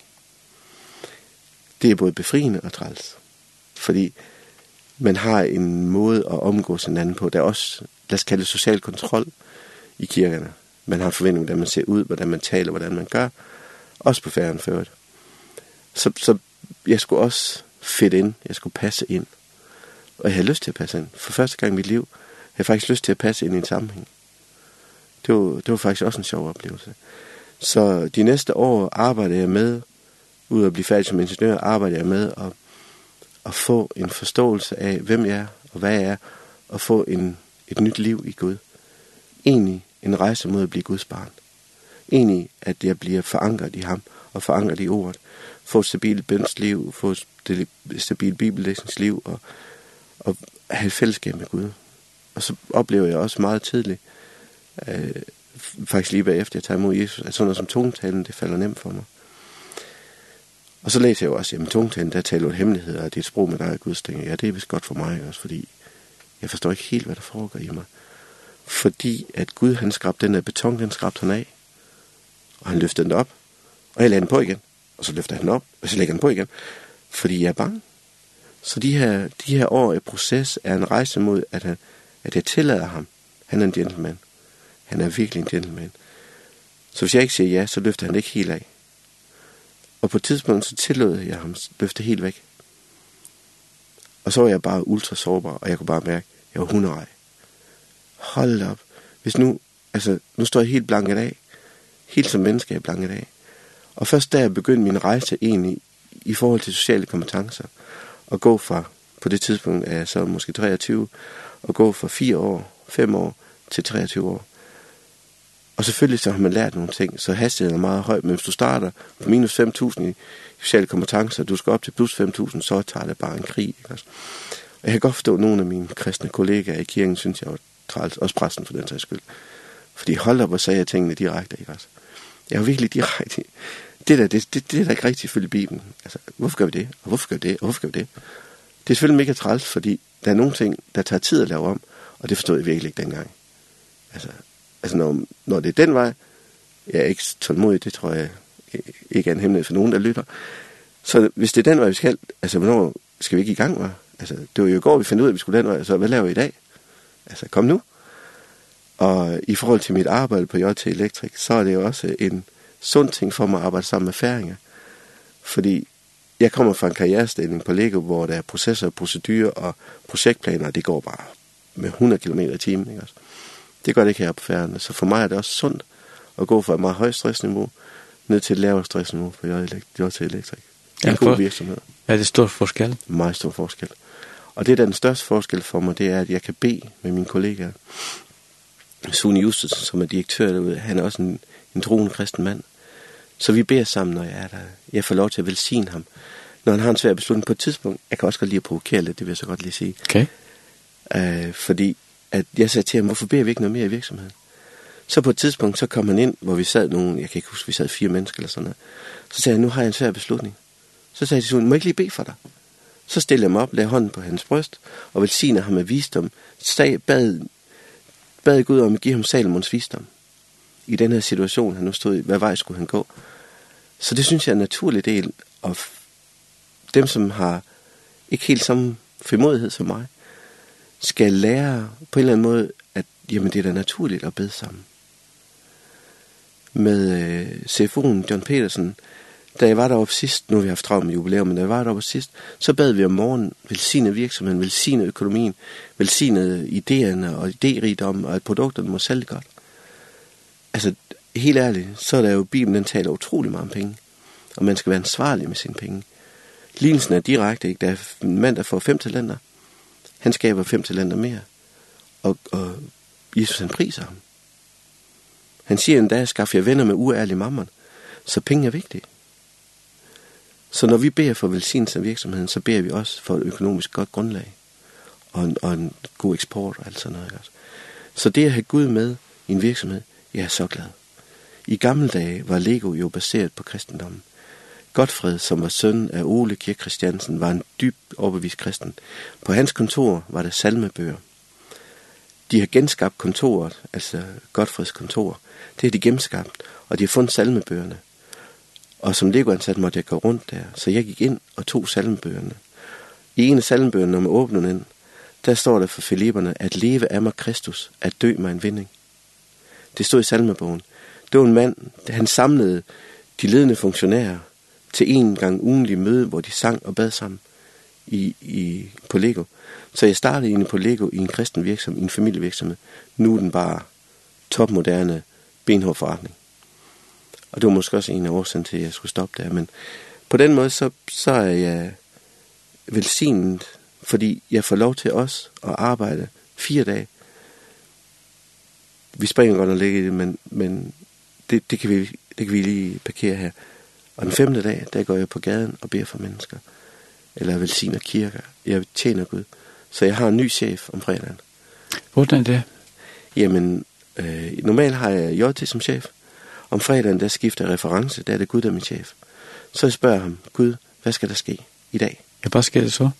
Jamen, nogle gange, for noget tid siden, så sagde han til mig, du skal køre til Assens. Assens, det er en lille bitte provinsby i Sydfyn. Efter at spritfabrikken lukkede ned, efter værftet er lukket, så er der næsten ingen arbejdspladser. Så det er, der er ikke god økonomi dernede. Husene forfalder. Og jeg vidste egentlig godt, hvordan det så ud. Så du kører mere end en time for at køre derned. Og der, der er langt dernede. Så jeg siger, okay, Gud, nu tager jeg til Assens. Det er en fredag. Så går jeg rundt i Assens. Jeg snakker blandt andet med en veteran, som har fået en kugle i skulderen, og han har været øh, virkelig dygtig soldat. Øh, han har været frømand. Og... Så jeg snakker og velsigner mennesker, og jeg vil få lov til at bede for hans skulder. Så på et tidspunkt, så stopper jeg en grønthandler. Han er araber. Og tit så spørger jeg, om folk har ondt nogle steder, for jeg kan få lov til at bede for dem. Fordi hvis Gud griber overnaturligt ind, så er der ikke så meget diskussion, om han er til. Fordi så har han gjort noget. Så den her mand, han har ikke ondt nogen steder. Øhm, og han er araber. Så siger han til mig, vil du være faktisk kristen? Jeg tænker, okay, fedt. Så siger han, vil du ikke godt bede for min virksomhed? Jeg har det hårdt økonomisk. Så vi står midt på gaden lige foran hans virksomhed, hans grønhandler, og beder for om velsigner ham og hans familie. Og så, så siger han, jeg har faktisk nogle arabiske bibler. Åh, oh, må ikke for dem? Så har han to arabiske venner, som ikke er kristen endnu, hvor han så får nogle nye testamenter. Jeg giver mange bibler væk på gaden. Og det er mega fedt. Det er det bedste, man kan give, altså. Det er det fedeste at give væk. Jeg har også blevet medlem nu af Gidonitter, men jeg køber dem selv fra... fra øh, vi har sådan noget bibelselskab i Danmark, som trykker øh, dronningens autoriserede. Så der har jeg købt nogle bibler. Det er mega fedt. Så jeg giver ham de her arabiske bibler, og så velsigner ham at gå mere rundt i byen, og vi velsigner nogle flere mennesker og beder for nogen, der har ondt og sådan noget. Som søndag, søndag aften er jeg i Kolding i Apostolsk Kirke. Så i mine venner har en kollega med, hun hedder Anna, Og jeg får sådan en fornemmelse af, at Anna har ondt i ryggen. Så spørger jeg, Anna, har du ondt i ryggen? Ja, det har hun. Hun har flyttet og malet og gjort et eller andet. Så spørger jeg, må ikke bede for dig? Jo, siger hun så. Jeg tænker, det var da fedt. Hun er ikke kristen på det tidspunkt her. og så får jeg lov til at bede for hende, så siger hun, det er underligt. Jeg tænker, jeg ved, hvad der er underligt. Så siger hun, det er væk. Så, det var da fedt, tænker jeg ind. Det var da dejligt. Det var Gud, der gjorde det, siger jeg så til hende. Jesus har grebet ind i dit liv. Så står hun sådan meget underne. De ligger der underligt, siger hun så igen. Så, så hun får en, et møde med Gud. Og det er sådan en aften. Så snakker jeg lidt bagefter, en dag sådan noget kaffe og sådan noget tjohaj, ikke også? Så snakker jeg lidt bagefter. Kan du gætte, hvor hun bor henne? Hun bor i Assens. Kan du gætte, hvem hun kender? Hun kender grønthandleren. Så når vi skal prøve at adlyde Gud, skal vi have lyttelapperne ud. Jeg havde overhovedet ikke lyst til at tage til Assens, for det er virkelig langt væk, og det er bare Altså uden for landslov og ret, ikke også? Men der var en grund, og der er altid en grund, når Gud han kalder. Altid. Har du andre oplevelser i, når du går op på gaden? Åh, oh, mange. Mange. Ja. Kan du fortælle noget af det? Ja, meget gerne. Uh, altså Gud er helt suveræn, og Gud har en kærlighed til alle mennesker. Så Gud møder mennesker på den måde, de har brug for. På et tidspunkt, så sidder der en ung kvinde på en sten, og hun sidder bare der. Så går jeg hen og spørger hende, åh oh, mand, må jeg, jeg er kristen, må jeg bede for dig? Og så siger hun, ja, hun, så står vi og snakker lidt og siger, men altså, det er jo bare velsignet, der sker jo ikke noget ved dig, jeg er ikke fra Jehovas vidner, siger jeg så ikke også. Fordi nogle gange så bliver man mistænkt for, at man er fra Jehovas vidner. Men Jehovas vidner, de beder ikke for mennesker på gaden. For jeg har faktisk tit prøvet at sige, at man får lov til at bede for Jehovas vidner, det har jeg aldrig kommet afsted med. Aldrig. Det er helt utroligt. Jeg, jeg spurgte en gang ældste fra Jehovedsiden, hvorfor må jeg ikke velsigne, når Jesus tog? Er vi ikke enige om, Jesus tog små børn i armene og velsigne dem? Jo, siger han så. Så hvorfor må jeg ikke velsigne dem? Det, det må du ikke sige. Det var virkelig et godt argument, jeg fik der. Men jeg, jeg, forstår, jeg forstår det stadigvæk ikke, fordi Gud velsigner jer. Men efter at have snakket med hende pigen, så får jeg en inspiration fra Gud. Så spørger jeg til hende, er der, er der noget med, at du er gravid? Så siger hun, ja, kan du se det? Nej, jeg kan overhovedet ikke se det. Hun er flad som et bræt, og hun har ingen mave. Jeg siger, nej, det kan jeg ikke se. Og så kigger hun på mig, nu må du godt bede for os. Så, så ordet forløste en lyst til at blive velsignet af Gud. Så jeg får lov til at bede for hende, og det yderligere inspiration, som Gud bier mig, det er, jeg beder ind i, at hun er bange for, at hun ikke bliver en god mor, hun ikke kan håndtere det, og at, at hun er, ikke er værdig nok til at blive mor. Så nogle ting beder jeg ind i. Der er jo nogle flere personlige detaljer, som jeg ikke vil sige. Men det ender med, at hun sidder og græder så meget, så der er en lille pyt imellem hendes ben. Så meget har hun grædt over, at Gud har mødt hende. Gud har grebet hendes liv og taget den frygt, for hun ikke var god nok. Og ja, hun havde heller ikke særlig meget selvkærlighed. Hun havde ikke særlig meget agt. Hun agtede ikke sig selv. Så, så der var en masse smerte i hendes hjerte, som Gud forløste. Hun boede så ikke i Vejle, så hun skulle til en anden by. Men Gud mødte hende med kærlighed. Det er jo mega fedt, ikke også? Så sådan noget nyder jeg at lave. Ja, ja, det er det bedste. Hvor er det følelse? Det betyder for mig, at jeg har fundet mit formål med at tjene Gud. At jeg har fundet ind det, jeg blev talt ind i i Holbæk som 20-årig. Det har jeg nu fundet ind i de sidste fra 2015. Hvor jeg genfandt det, hvor mine børn blev store. Hvor de kunne klare sig selv. Og, og jeg oplever det på alle mulige måder. Altså, det er jo med at være ledt af Gud. På et tidspunkt er jeg i Singapore Jeg har rejst meget med Lego, alt for meget, og været væk fra min familie. Men som karrieremenneske, så skulle man levere varen. Så jeg er i Singapore. Og normalt så arbejder vi i Indonesien, så jeg tager færgen om mandagen til Indonesien og tager hjem om fredagen. Som lørdagens ting, nu skal jeg bare have det sjovt. Der er sådan en stor butik, der hedder Shimlim. Det er seks etager med elektronik, og jeg elsker elektronik. Altså jeg er fast som ingeniør, så selvfølgelig elsker jeg elektronik. Så jeg vil gerne hen i den der, så jeg tager ud i hotellet og går i en taxa. Og så siger jeg, at jeg skal hen og se om dem. Så kommer der sådan 80 musik i radioen, et bestemt nummer. Så skruer taxichaufføren op. Han gør det med venstre, han sidder jo i højre side, det er jo, de kører i den forkerte side. Jo. Og så kigger jeg på taxichaufføren, så begynder, han er også vild med 80'er musik, så vi sidder og snakker om 80'er musik og alt muligt, og gode numre og gode, alt muligt. Og ikke andet. Så kører han mig hen og smider mig af, ved Jim Lim, så går jeg ind og handler og køber ting til børnene og sådan noget. Og så tager jeg hjem på hotellet med en anden øh, taxa. Så mandag morgen, så tager jeg færgen til Indonesien. Arbejde, arbejde, arbejde, arbejde. Altså, man har ikke lavet andet derude, så jeg arbejder bare 12 timer. Og så tager jeg den sidste færge hjem fra Indonesien til Singapore. Den sidste færge. Og den er profil. Så kommer jeg hen til taxastanden. Der står 50 mennesker i kø. Jeg tænker, ah. Og de har sådan nogle ulovlige Uber-taxaer, som Men det kunne sige, at du skal overholde given lovgivning i given land, hvor du er. Så jeg venter pænt i køen. 50 mennesker. Så jeg kom, kom taxen. Jeg smider bagagen ind i bagagerummet og siger bare terminal 2. Og så vil jeg bare sove. Hm. Gud har andre planer. Så vi er på vej. Så spiller de den samme sang i radioen, som jeg hørte lørdag. Den spiller de igen. Jeg tænker, hmm. Så vender taxiføren tager venstre hånd og skruer op for radioen. Og jeg er lidt træt og tænker, Hmm? Så kigger jeg op på taxiføren. Så spørger jeg, var det dig, der kørte mig til Simlim her i lørdags? Ja, sagde han så. Så, sagde jeg, så siger han, vil jeg mærke, guderne vil have, at vi skulle mødes. Så siger jeg, nej, Gud vil have, at vi skulle mødes. Hele vejen til Terminal 2 snakker jeg om Gud og tro, om korset, om omstandelsen, om synden og dom, retfærdiggørelse i Kristus, hele vejen. Med, den, med det resultat, at da han kom ud af taxaen, så bøjer han knæ og giver sit liv til Jesus.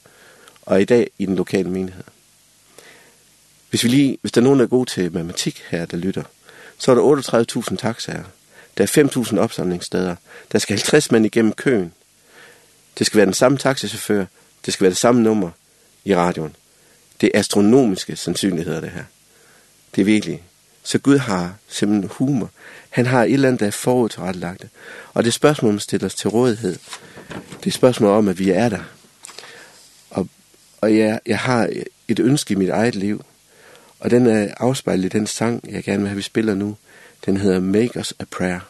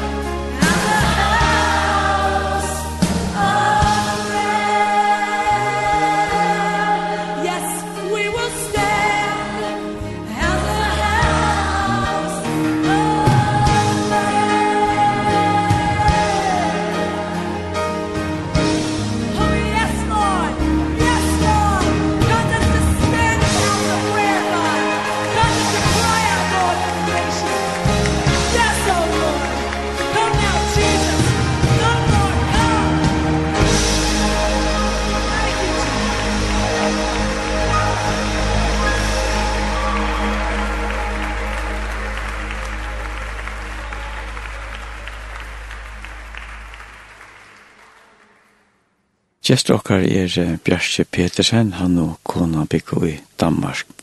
Hvis ikke jeg får et Hvis ikke jeg får et bønøvn inn til lintene, så er det linden, kurlalinte.fo.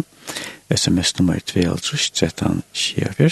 Telefon nummer 2, 13, 24. Bjarke, eller Bjarke, vi er ikke kommet inn, inn, inn til din kone og til din bønøvn. Hvordan hænger det sammen? Ja, man kunne godt tænke sig, at med min baggrund, at, at jeg måske ikke var helt egnet som mand til en kone. Og det har jeg jo selv tænkt.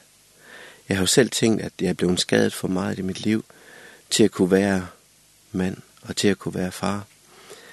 Så jeg var, jeg har altid haft lyst til at få en kone. For jeg vil gerne have nogle børn også. Så, så jeg, vil, jeg har heller ikke lyst til at være alene.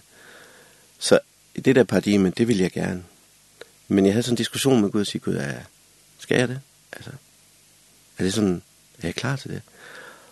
Og, og det var jo i nogle af de ting omkring de sociale kompetencer, han i fem år arbejdede på, at jeg også kunne være i stand til at ikke at være så egoistisk, ikke at være, øh, ikke at være hård i min kommunikation, og ikke at være dømmende for mennesker.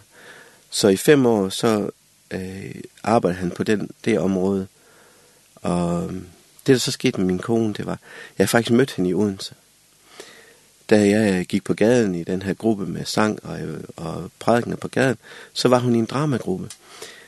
Men hun havde en kæreste på det tidspunkt, og jeg, jeg havde ikke tænkt mig at prøve at, at få hende som kæreste, så længe hun havde en anden kæreste. Det tænkte jeg, ah, det var sådan måske lige til den gode side at gøre, ikke også? Altså, det, var, det gjorde jeg trods alt ikke.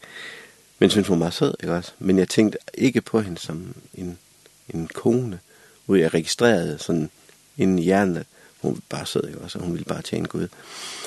Så, så jeg gik ind, og så tænkte det, må, det, er ikke, det er nok ikke hende.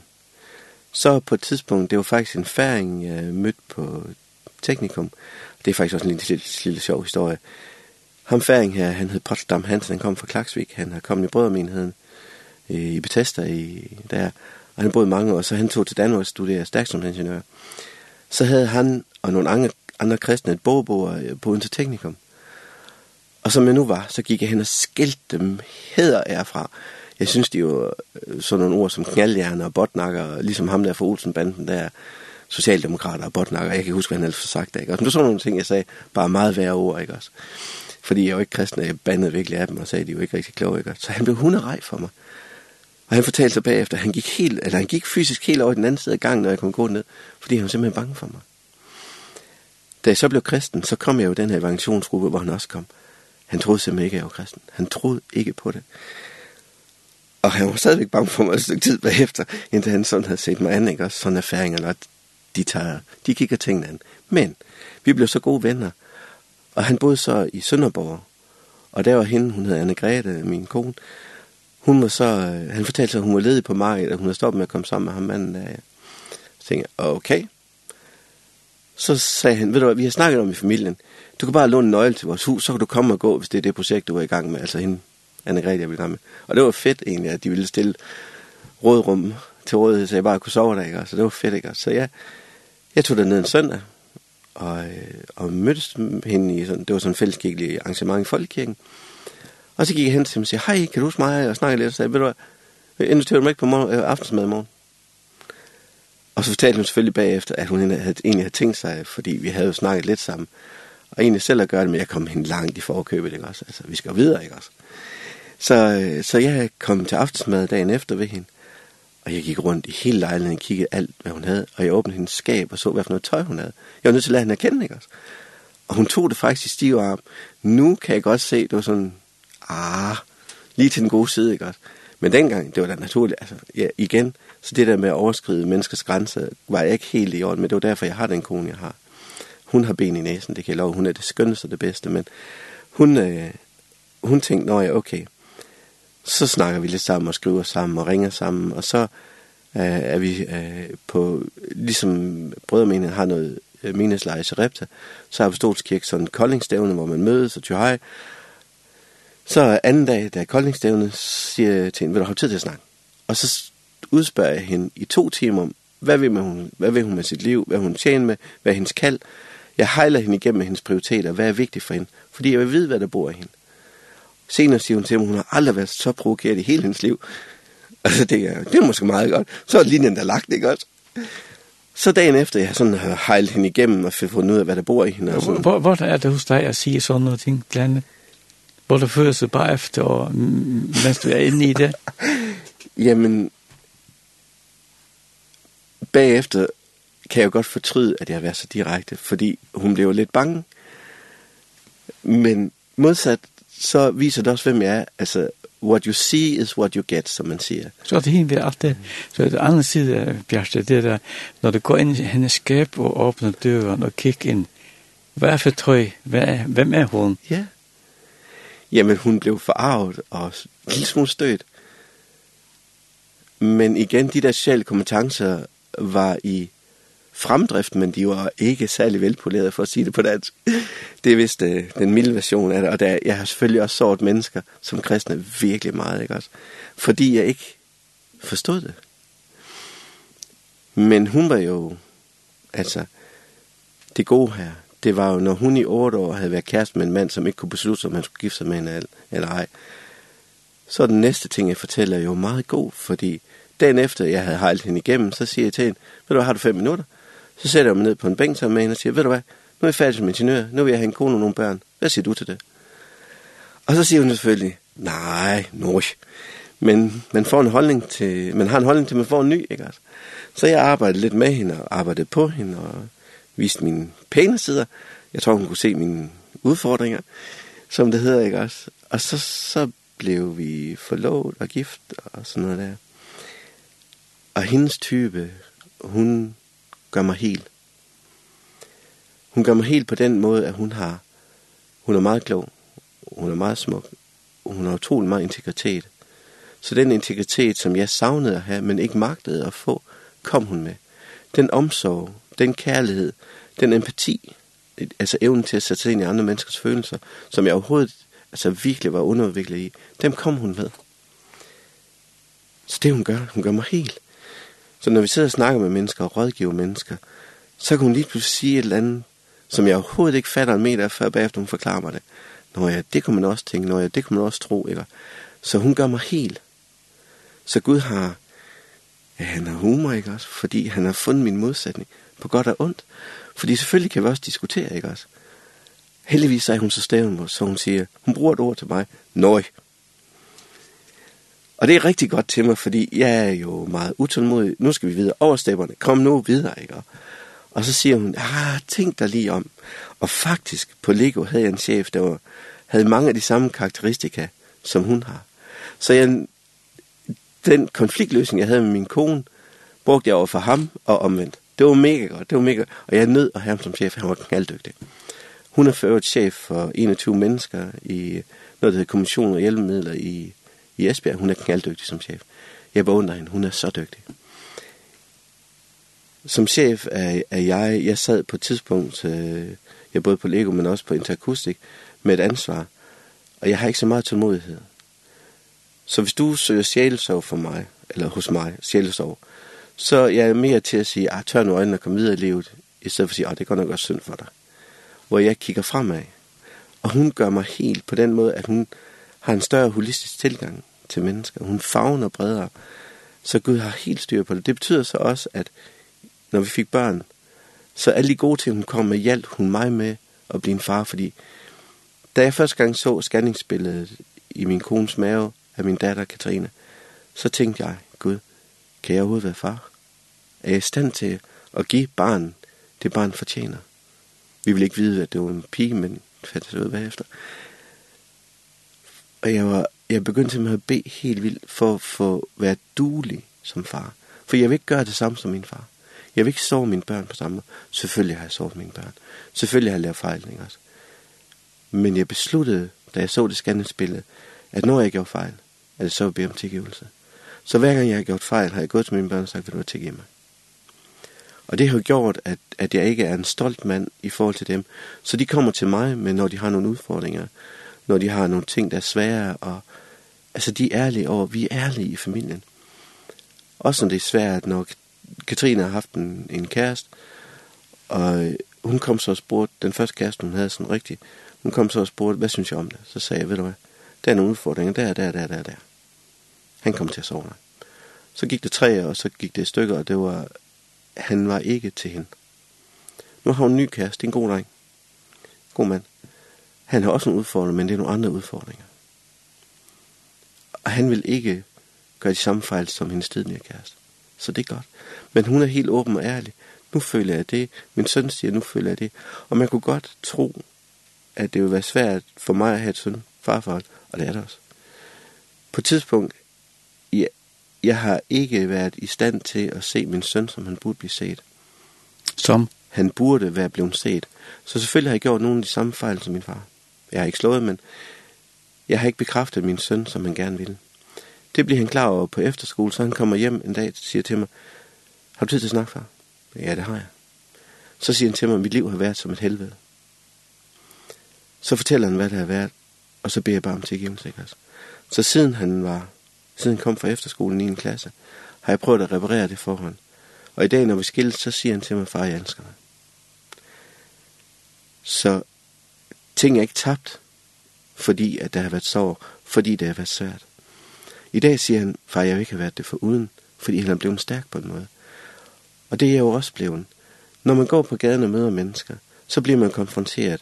Man bliver hånet, man bliver skældt ud, alt muligt godt for haven, ikke også? Men min barndom og min opvækst har gjort mig robust, menneskelig robust.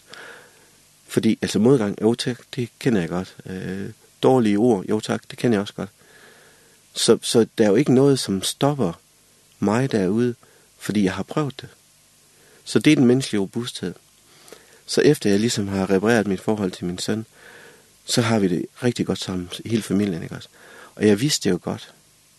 Jeg vidste det jo godt, fordi jeg, den der vrede og uretfærdigheden, hver gang jeg oplevede uretfærdighed, så, skulle jeg, så, så er det ligesom at trykke på sådan en rød knap, så eksploderer det, ikke også? Jeg kunne have meget vrede, og mine kollegaer kunne også få et ordentligt ruffel, ikke? Også når de ikke gjorde, som jeg sagde. Altså, jeg kunne bare være strid, ikke? Når jeg så blev en ældre, efter den oplevelse med min søn, så stoppede jeg op i mit liv og siger, hov, det er ikke godt nok endnu. Jeg er nødt til at arbejde mere. Med dig selv? Ja, og jeg vidste det egentlig godt. Men livet havde taget mig, ikke også? Karrieren havde taget mig.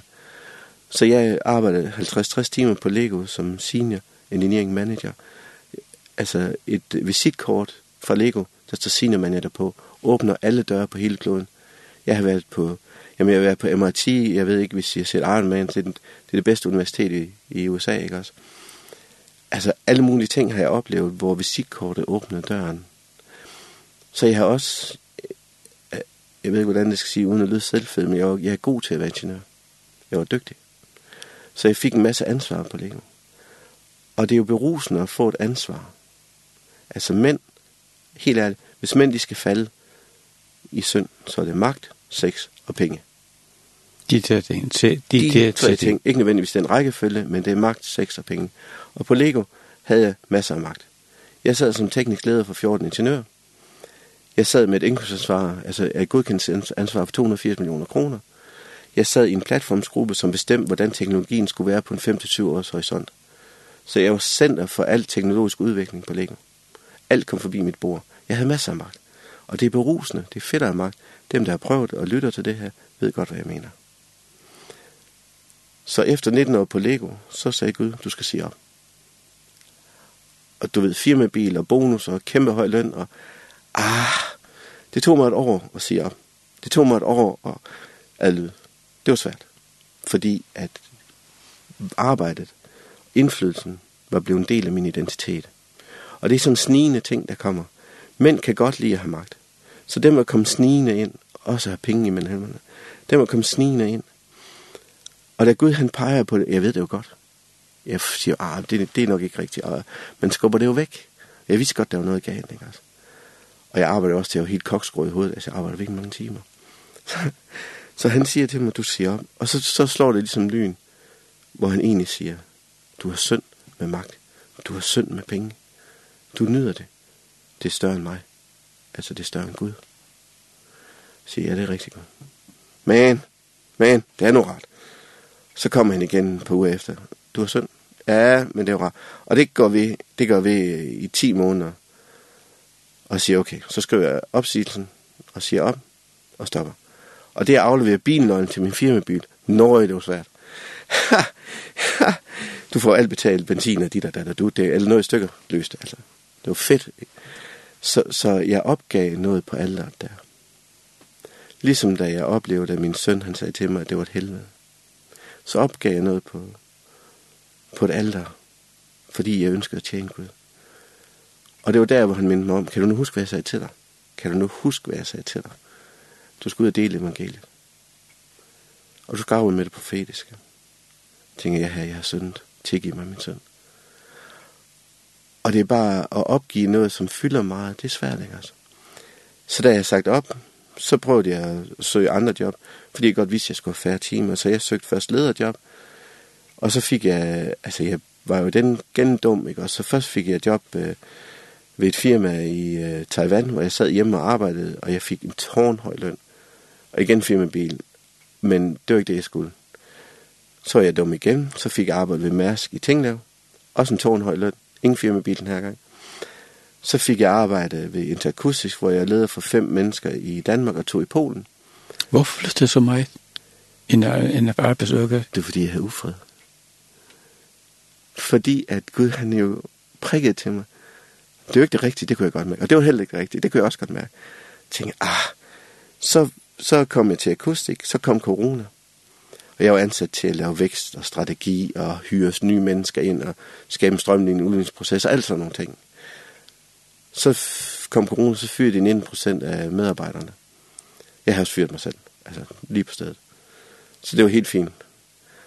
Så da jeg så blev fyret dagen, eller da jeg kører hjem i bilen, så siger Gud til mig, da jeg har fået en fyreseddel, så siger Gud til mig, det føler ikke rart at blive fyret som ingeniør, bare det var, men på det tidspunkt der var jeg sådan, når jeg, altså Gud, du har ligesom knust mig her, og du har knust mig her, du har knust mig her, så okay, kom bare med noget mere, ikke også? Og det er jo problemet her, at vi som mænd, jeg i hvert fald som mand, tit lærer næsten altid igennem smerte. Når man skal opgive noget, det er først der, at man kan blive forvandlet i Gud. Og det er mega træls. Det var mega træls, da min søn sagde, at det var helvede. Det var mega træls, at skulle se op på Lego. Det var mega træls at blive fyret. Altså, det er mega træls også, når jeg så min kone, hun kom til Bjarke. Det der, det har du ikke gjort godt nok. Så siger man, død, ikke også? Altså, øh. Så, så jeg er desværre derhen, hvor jeg tit lader igennem smerte. Jeg bliver bedre til ikke at gøre det, men hold op. Så på vej hjem i bilen, så siger Gud til mig, ved du hvad, jeg kan huske, at jeg til dig. Mm, ja, det kan jeg sådan set godt. Så søger jeg et job, som, først som afdelingsleder. Når jeg så siger til direktøren, jeg vil gerne have fire dags arbejdsuge, så siger han, hvad? Og så stopper samtalen egentlig. Vi snakker videre og siger, ah, det var hyggeligt og alt sådan noget. Men den stopper. Man kan godt mærke, om vedkommende er med i samtalen. Så, så så prøver jeg at søge mine ingeniørjobs. Og så når jeg snakker med afdelingslederen om fire dages arbejdsuge, så siger han, så stopper samtalen også, fordi at en ingeniør og en leder er så løntung. Og der er nogle faste omkostninger forbundet i Danmark i hvert fald, men der er nogle faste omkostninger i erhvervslivet. Du skal have en PC, du skal have nogle licenser, du, HR koster det samme, altså human resources der. Så der er, nogle, der er et grundbidrag til en, en omkostning til en ansættelse, og så er der løn ved siden af, plus alt muligt andet. Ikke? Altså. Og den er variabel. Så selvfølgelig så skal du være der fem dage som ingeniør. Så, øh, så har jeg en god ven, der hedder Mike, der på det tidspunkt boede i Klaksvik. Og hans far og, han, hans far og jeg var rigtig gode venner. Og da hans far dør, og han druknede i Landehavet, så bliver jeg sådan en, en god ven for Mike. I dag kalder han mig sin reservefar. Så han har lige haft bryllup. Det var mega godt bryllup, og det var mega fedt. Han har fået en god kone. Mega fedt. Øhm, Det er vi selvfølgelig også snakket om. Hvor jeg sagde til ham, lad være med Gud rundt om en varm grød. Kom nu lige til sagen. Altså, er, er det hende? Ja eller nej? Find ud af det. Og, og hvor jeg oplever den færdige tilgang til det med at finde kone, kan godt være sådan lidt, jeg tror, vi kalder det knudret. Ikke direkte i hvert fald. Men Mike han snakker så med en, der hedder Olav Thomsen, Olav Thomsen, som er medejer af JT Electric. Der arbejder Mike. Og så spørger Mike ham, Olav, skal Bjarke ikke arbejde for JT? Og så tænker jeg, jeg går fra en virksomhed, som da jeg stoppede på Lego, har 48 milliarder i omsætning. De har processer og procedurer og havde 12 milliarder på bundlinjen. Det er Superligaen, det her. Altså, du kan ikke komme, du kan faktisk ikke komme i en mere, der er ikke et brand i Danmark, der er stærkere end Lego-brandet, så du kan ikke komme i en mere sej virksomhed end det. Igen, det skulle jeg opgive. Så jeg har spillet Superligaen i, i, i ingeniørjobbet, ikke også? Så spørger Mike, har du ikke lyst til at arbejde til? Og så spørger han, Olav, så mødes jeg med, han, med ham nede i Jels, Hans mor og far har et sommerhus. Og jeg får lov til at bede for hans mor og far og hans søster. Det, det var sådan set mega fedt. Og så snakker vi sammen om, hvad, hvad jeg kunne bidrage med. Så får jeg en projektansættelse. Øhm, jeg blev inviteret til færøerne. Så møder jeg Sune Justusen, som er direktør for JT. Og Olavur har ikke fortalt ham, hvem jeg er, og hvad jeg er, og hvad jeg skulle gøre. Jeg er okay, er det sådan, den virksomhed spiller? Jeg tænkte, som minimum var jeg måske blevet introduceret til direktøren. Så den sidste dag, i forbindelse med at hjælpe med at lave et lys, et LED-lys, det er før et mega godt lys, hvis I ønsker et LED-lys til undervandshavbrug. Mega godt.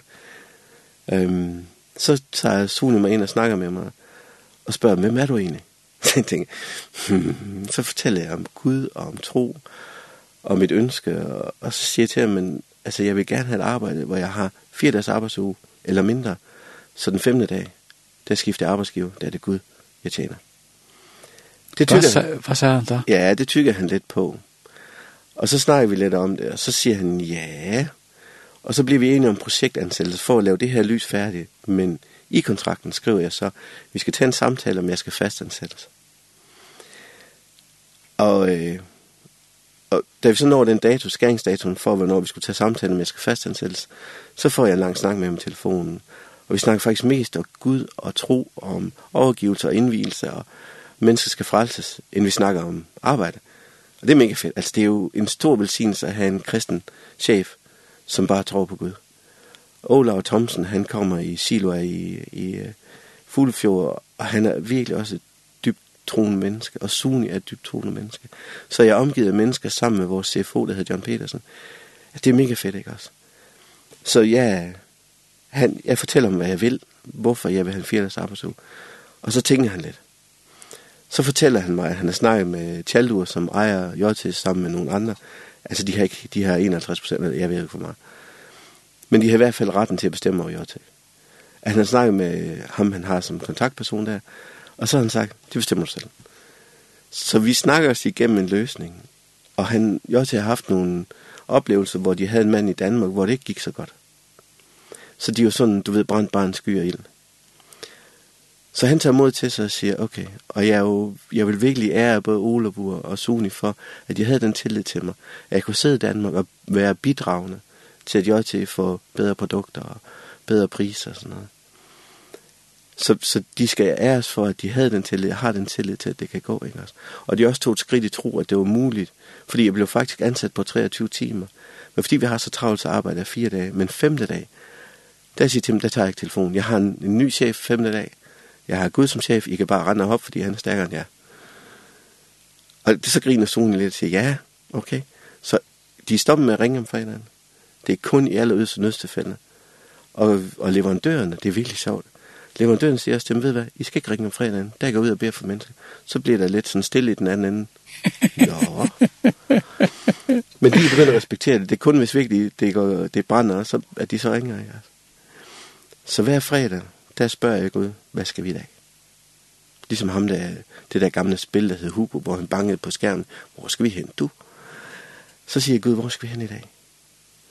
Og jeg er jo blevet ledt mange steder hen, hvor Gud har gjort mange store ting i os. Og det, det, det centrerer sig om, at mennesker skal nås med evangeliet. Når jeg er på JT i dag, så oplever jeg også, at vi kan bede sammen. Jeg oplever hvis jeg må være en lille smule provokerende, så oplever jeg... Du er velkommen. Tak. Så oplever jeg, at, at færske mænd er lidt nogle træmænd. Både med det det. At de sådan er meget firkantede, og de holder på en masse, ja undskyld, jeg siger det, stolthed. Og de skal have et eller andet ansigt til De skal leve op til en eller anden image. Hvis du kan huske, der var en film, der hed Grease, der John Travolta, han siger til Oliver Newton-John, I got this certain image, ikke også? Han skal i hvert fald ikke vise, at han faktisk synes, hun er sød og sådan der. Han skal spille sej over for de andre drenge, ikke? Der er lidt den her, meget måske, men der er en smule af det her på færgerne. Det svinger sådan lidt. Så man har en eller anden stolthed, man skal have et image, man skal se rigtig ud. Og selvfølgelig er det, fordi det er et lille samfund, alle kender hinanden, så man kan ikke skære ud, ligesom man kan i Danmark. Fordi man bliver dømt, og social kontrol er godt og svært. Al respekt for det, ikke også? Man ved nøjagtigt, hvad der forventes af en heroppe. En ung mand, han skal, være, han skal skaffe sig et sted at bo, og han skal forsørge sin kone. Altså succeskriterierne heroppe er meget gennemskuelige. Hvor i Danmark, identiteten af en ung mand i Danmark, det kan vi snakke om den anden, men den er, det er virkelig svært at finde ud af, hvad der forventes af en ung mand i Danmark. Ja. Så på et tidspunkt, så, så siger jeg til Suni op for dem, skal vi ikke bede noget mere? Skal vi ikke bede sammen? Og han gør ikke noget stinget, nu tager jeg skeen i den anden hånd. Så kommer han ind, vi sidder 4-5 mand i stedet i et kontor, så kommer han ind og siger, jeg har en svær ting, jeg ved ikke lige, hvad der er rigtigt. Så spørger jeg, så hun skal ikke lige bede for dig? Så går han sådan lidt ind i sig selv, du ved, man krømmer lidt sammen. Men jeg er jo ligeglad, jeg tænker. Ja, ja, ja. Altså, Bibelen siger, at vi skal bede for hinanden. Vi skal... Er det dejligt? Er det dejligt? Hva? Jeg, jeg kan faktisk godt lide at provokere for at være helt ærlig. det vil jeg godt indrømme, men, men formålet er jo velsignet. Så jeg stiller mig op, lægger hånden på hans hjerte, og beder om, at Suni får Salomons visdom ind i den her situation. Jeg vil sige ham, jeg vil sige hans hus, hans familie, hans børn. Han har en herlig kone, nogle dejlige unger, jeg har været hjemme med dem, det er en super god familie. Så jeg vil sige ham i den her, og formålet er ikke kun at velsigne Suni, det er også at mine kollegaer hører, at man faktisk godt kan bede i offentlighed. Så provokerede jeg John Petersen, vores CFO, der siger, men hvorfor beder vi ikke om morgenen sammen for virksomheden? Så sidste gang jeg var der, nu har vi haft jubilæum. JT, uh, til Elektra lige blevet 50, og vi har jubilæum i går. Ja, der var mere end 400 mennesker, mand. Jeg rendte rundt, jeg tror, jeg lavede 50 liter kaffe. Ja, det var helt vildt meget kaffe, de drej. Det var mega fedt. Jeg var træt bagefter. Men det var fedt at se, og de rigtige mennesker kom. Der kom en hel masse sådan vigtige mennesker. Det var mega fedt, og mine kollega var enormt glade. Jeg var så glad for at se for, at det var lykkes, og det var godt, og de var stolte. De var stolte af JT. De var stolte af at være der, og det der er udrettet. Det er virkelig rart at se. Så sidste gang jeg var der, så bad jeg sammen med John der om morgenen og velsigne virksomheden, velsigne en idérigdom og, en, og også en omsorg for medarbejderne og sådan noget, at det må gå godt. Velsigne også økonomien. Bibelen er faktisk fyldt af økonomi. Det er ikke noget, man snakker så tit om, men lignelsen om de fem talenter er lige i øjet, ikke også? Hvis du har fem talenter, skaff fem talenter mere. Kom nu tør og kom videre, ikke også? Så vi beder sammen.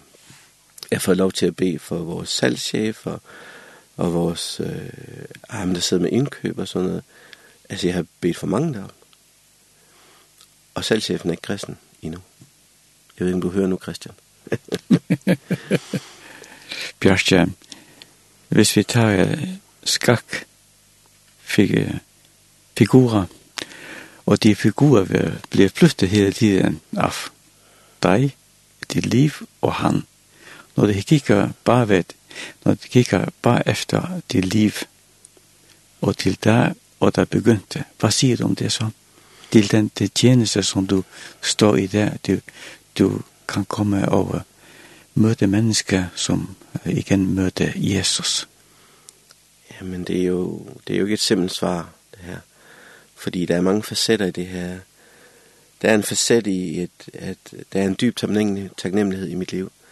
Der er en dyb taknemmelighed, at han kender svimmer. At jeg får lov til at være hans barn. Jeg får lov til at være søn jeg får det evige liv tilgift som bonus, at jeg får lov til at være fri i ham.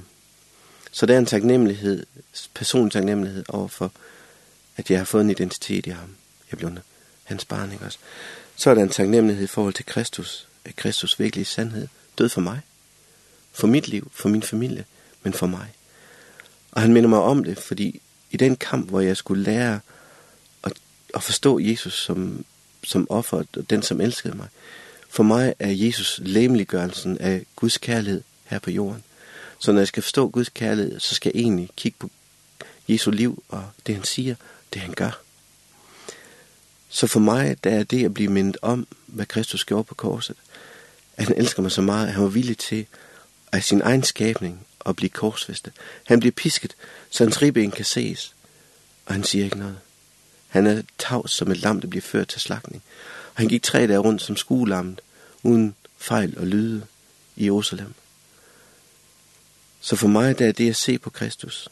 Se på, at han, selv da han hænger på korset, siger til sin mor og Johannes, mor, Marie, det her det er din søn. Og så siger han til Johannes, Johannes, det her det er din mor. Fordi han er nødt til at give ansvaret for hans mor videre, fordi hans far var død. Så han havde ansvaret for at forsørge hans mor. Det gør han døende på korset. Så siger han også, her, tillege dem ikke deres synd, for de ved ikke, hvad de gør. Og han siger til røveren, ved du sandelig, du skal være med i himmeriget i dag.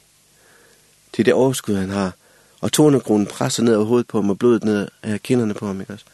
Når jeg tænker på det, så fylder det så meget for mig, og det er så stort, at Jesus virkelig død for mig. At han havde så meget kærlighed til mig, men også til de mennesker, som jeg ser omkring. Så hans offer skaber en byrde i mit hjerte, det er ligesom en brand, og jeg gjorde engang noget, som måske ikke var så klogt. Men jeg sagde til Gud, Gud, vil du ikke give mig en fli af din nød for mennesker, som kan komme til din søn? Og det er ikke løgn, når jeg siger, at jeg græd uafbrudt i to døgn. Og jeg kan fortælle dig, at man kan græde salte tårer, hvor du simpelthen kan have vand mere i øjnene. Og så sagde det Gud, nu er det nok. Altså nu kan jeg ikke mere. Så stoppede det sådan der. Lige sådan der. Men jeg kunne næsten ikke være i mig selv. Og det var kun en fli af hans nød for mennesker. Så det præger mit liv. Jeg deler evangeliet, hvor end jeg kan. Jeg beder for mennesker, hvor end jeg kan. Heroppe i flyveren, der sad vi siden en forretningsmand. Han var også håndboldtræner. Så først så snakker vi om erhverv og hvad han laver i håndbold. Og så siger han, ved du hvad, jeg er, jeg er faktisk kristen. Tror du på Gud? Og så sidder vi og snakker. Jeg snakker selvfølgelig så højt, så andre i hele flyet kan høre det, det er klart. Så snakker vi om tro, om Gud, om korsfæstelsen. Så har han et eller andet med hoften, der er noget i stykker i hans hofte. Så jeg må ikke bede for dig siger han, nøj, siger han så. så aftaler jeg med ham, ved du hvad, hvis vi flyver hjem, samme fly hjem, så får jeg lov til at bede for dig. Ja, siger han så. Så nu er jeg spændt på, jeg skal hjem på torsdag, nu er jeg spændt på, når han skal hjem. så alle steder, hvor jeg kan komme afsted med det, så prøver jeg at give en fli af Kristus. At jeg kan være en, at jeg kan være en afglans af ham. En, en kærlighedsgave til mennesker givet for ham. Og det er derfor, jeg siger ja til at blive forvandlet i hans billede. Der står, giv dig selv som levende Gud velbehagelig offer i Kristus Jesus. Det er din åndelige gudstyrelse, hvis du kigger i Romerne 12, 1 og 2. Og du skal læse begge to i også.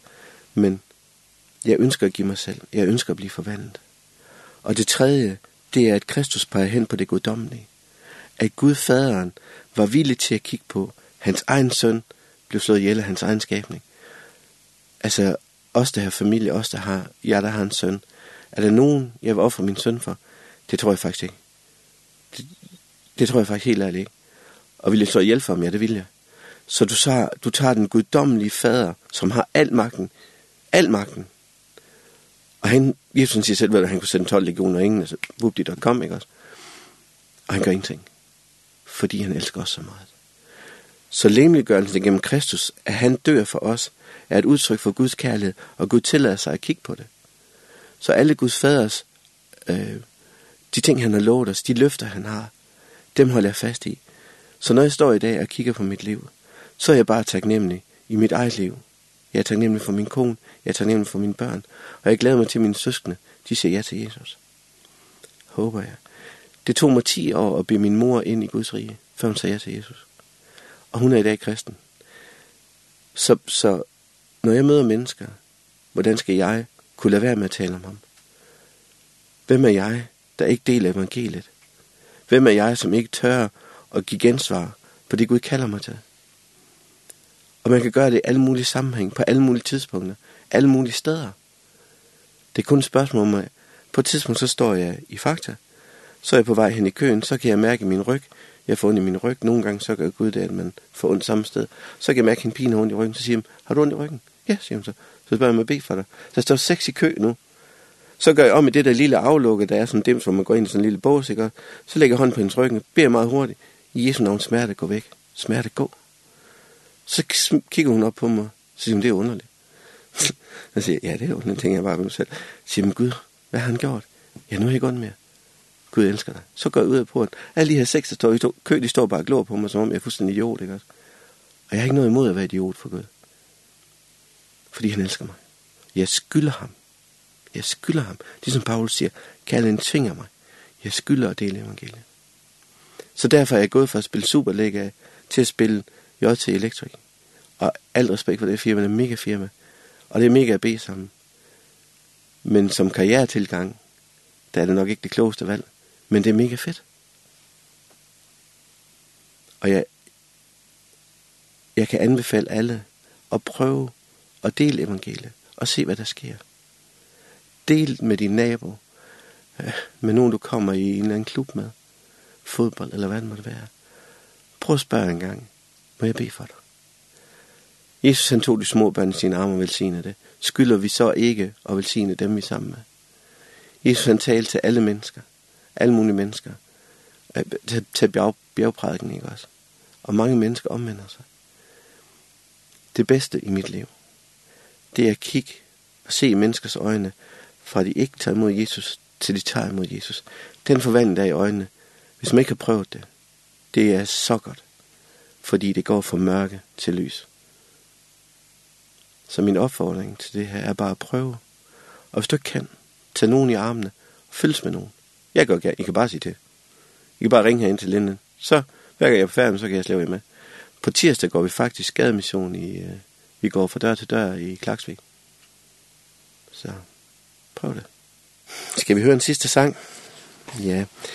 Det er en sang, som, øh, som er, er virkelig, virkelig god. Øh, den hedder Jesu blod, og den handler om det, han gør. At vi igennem hans blod har fået friheden, for det er fuldbragt.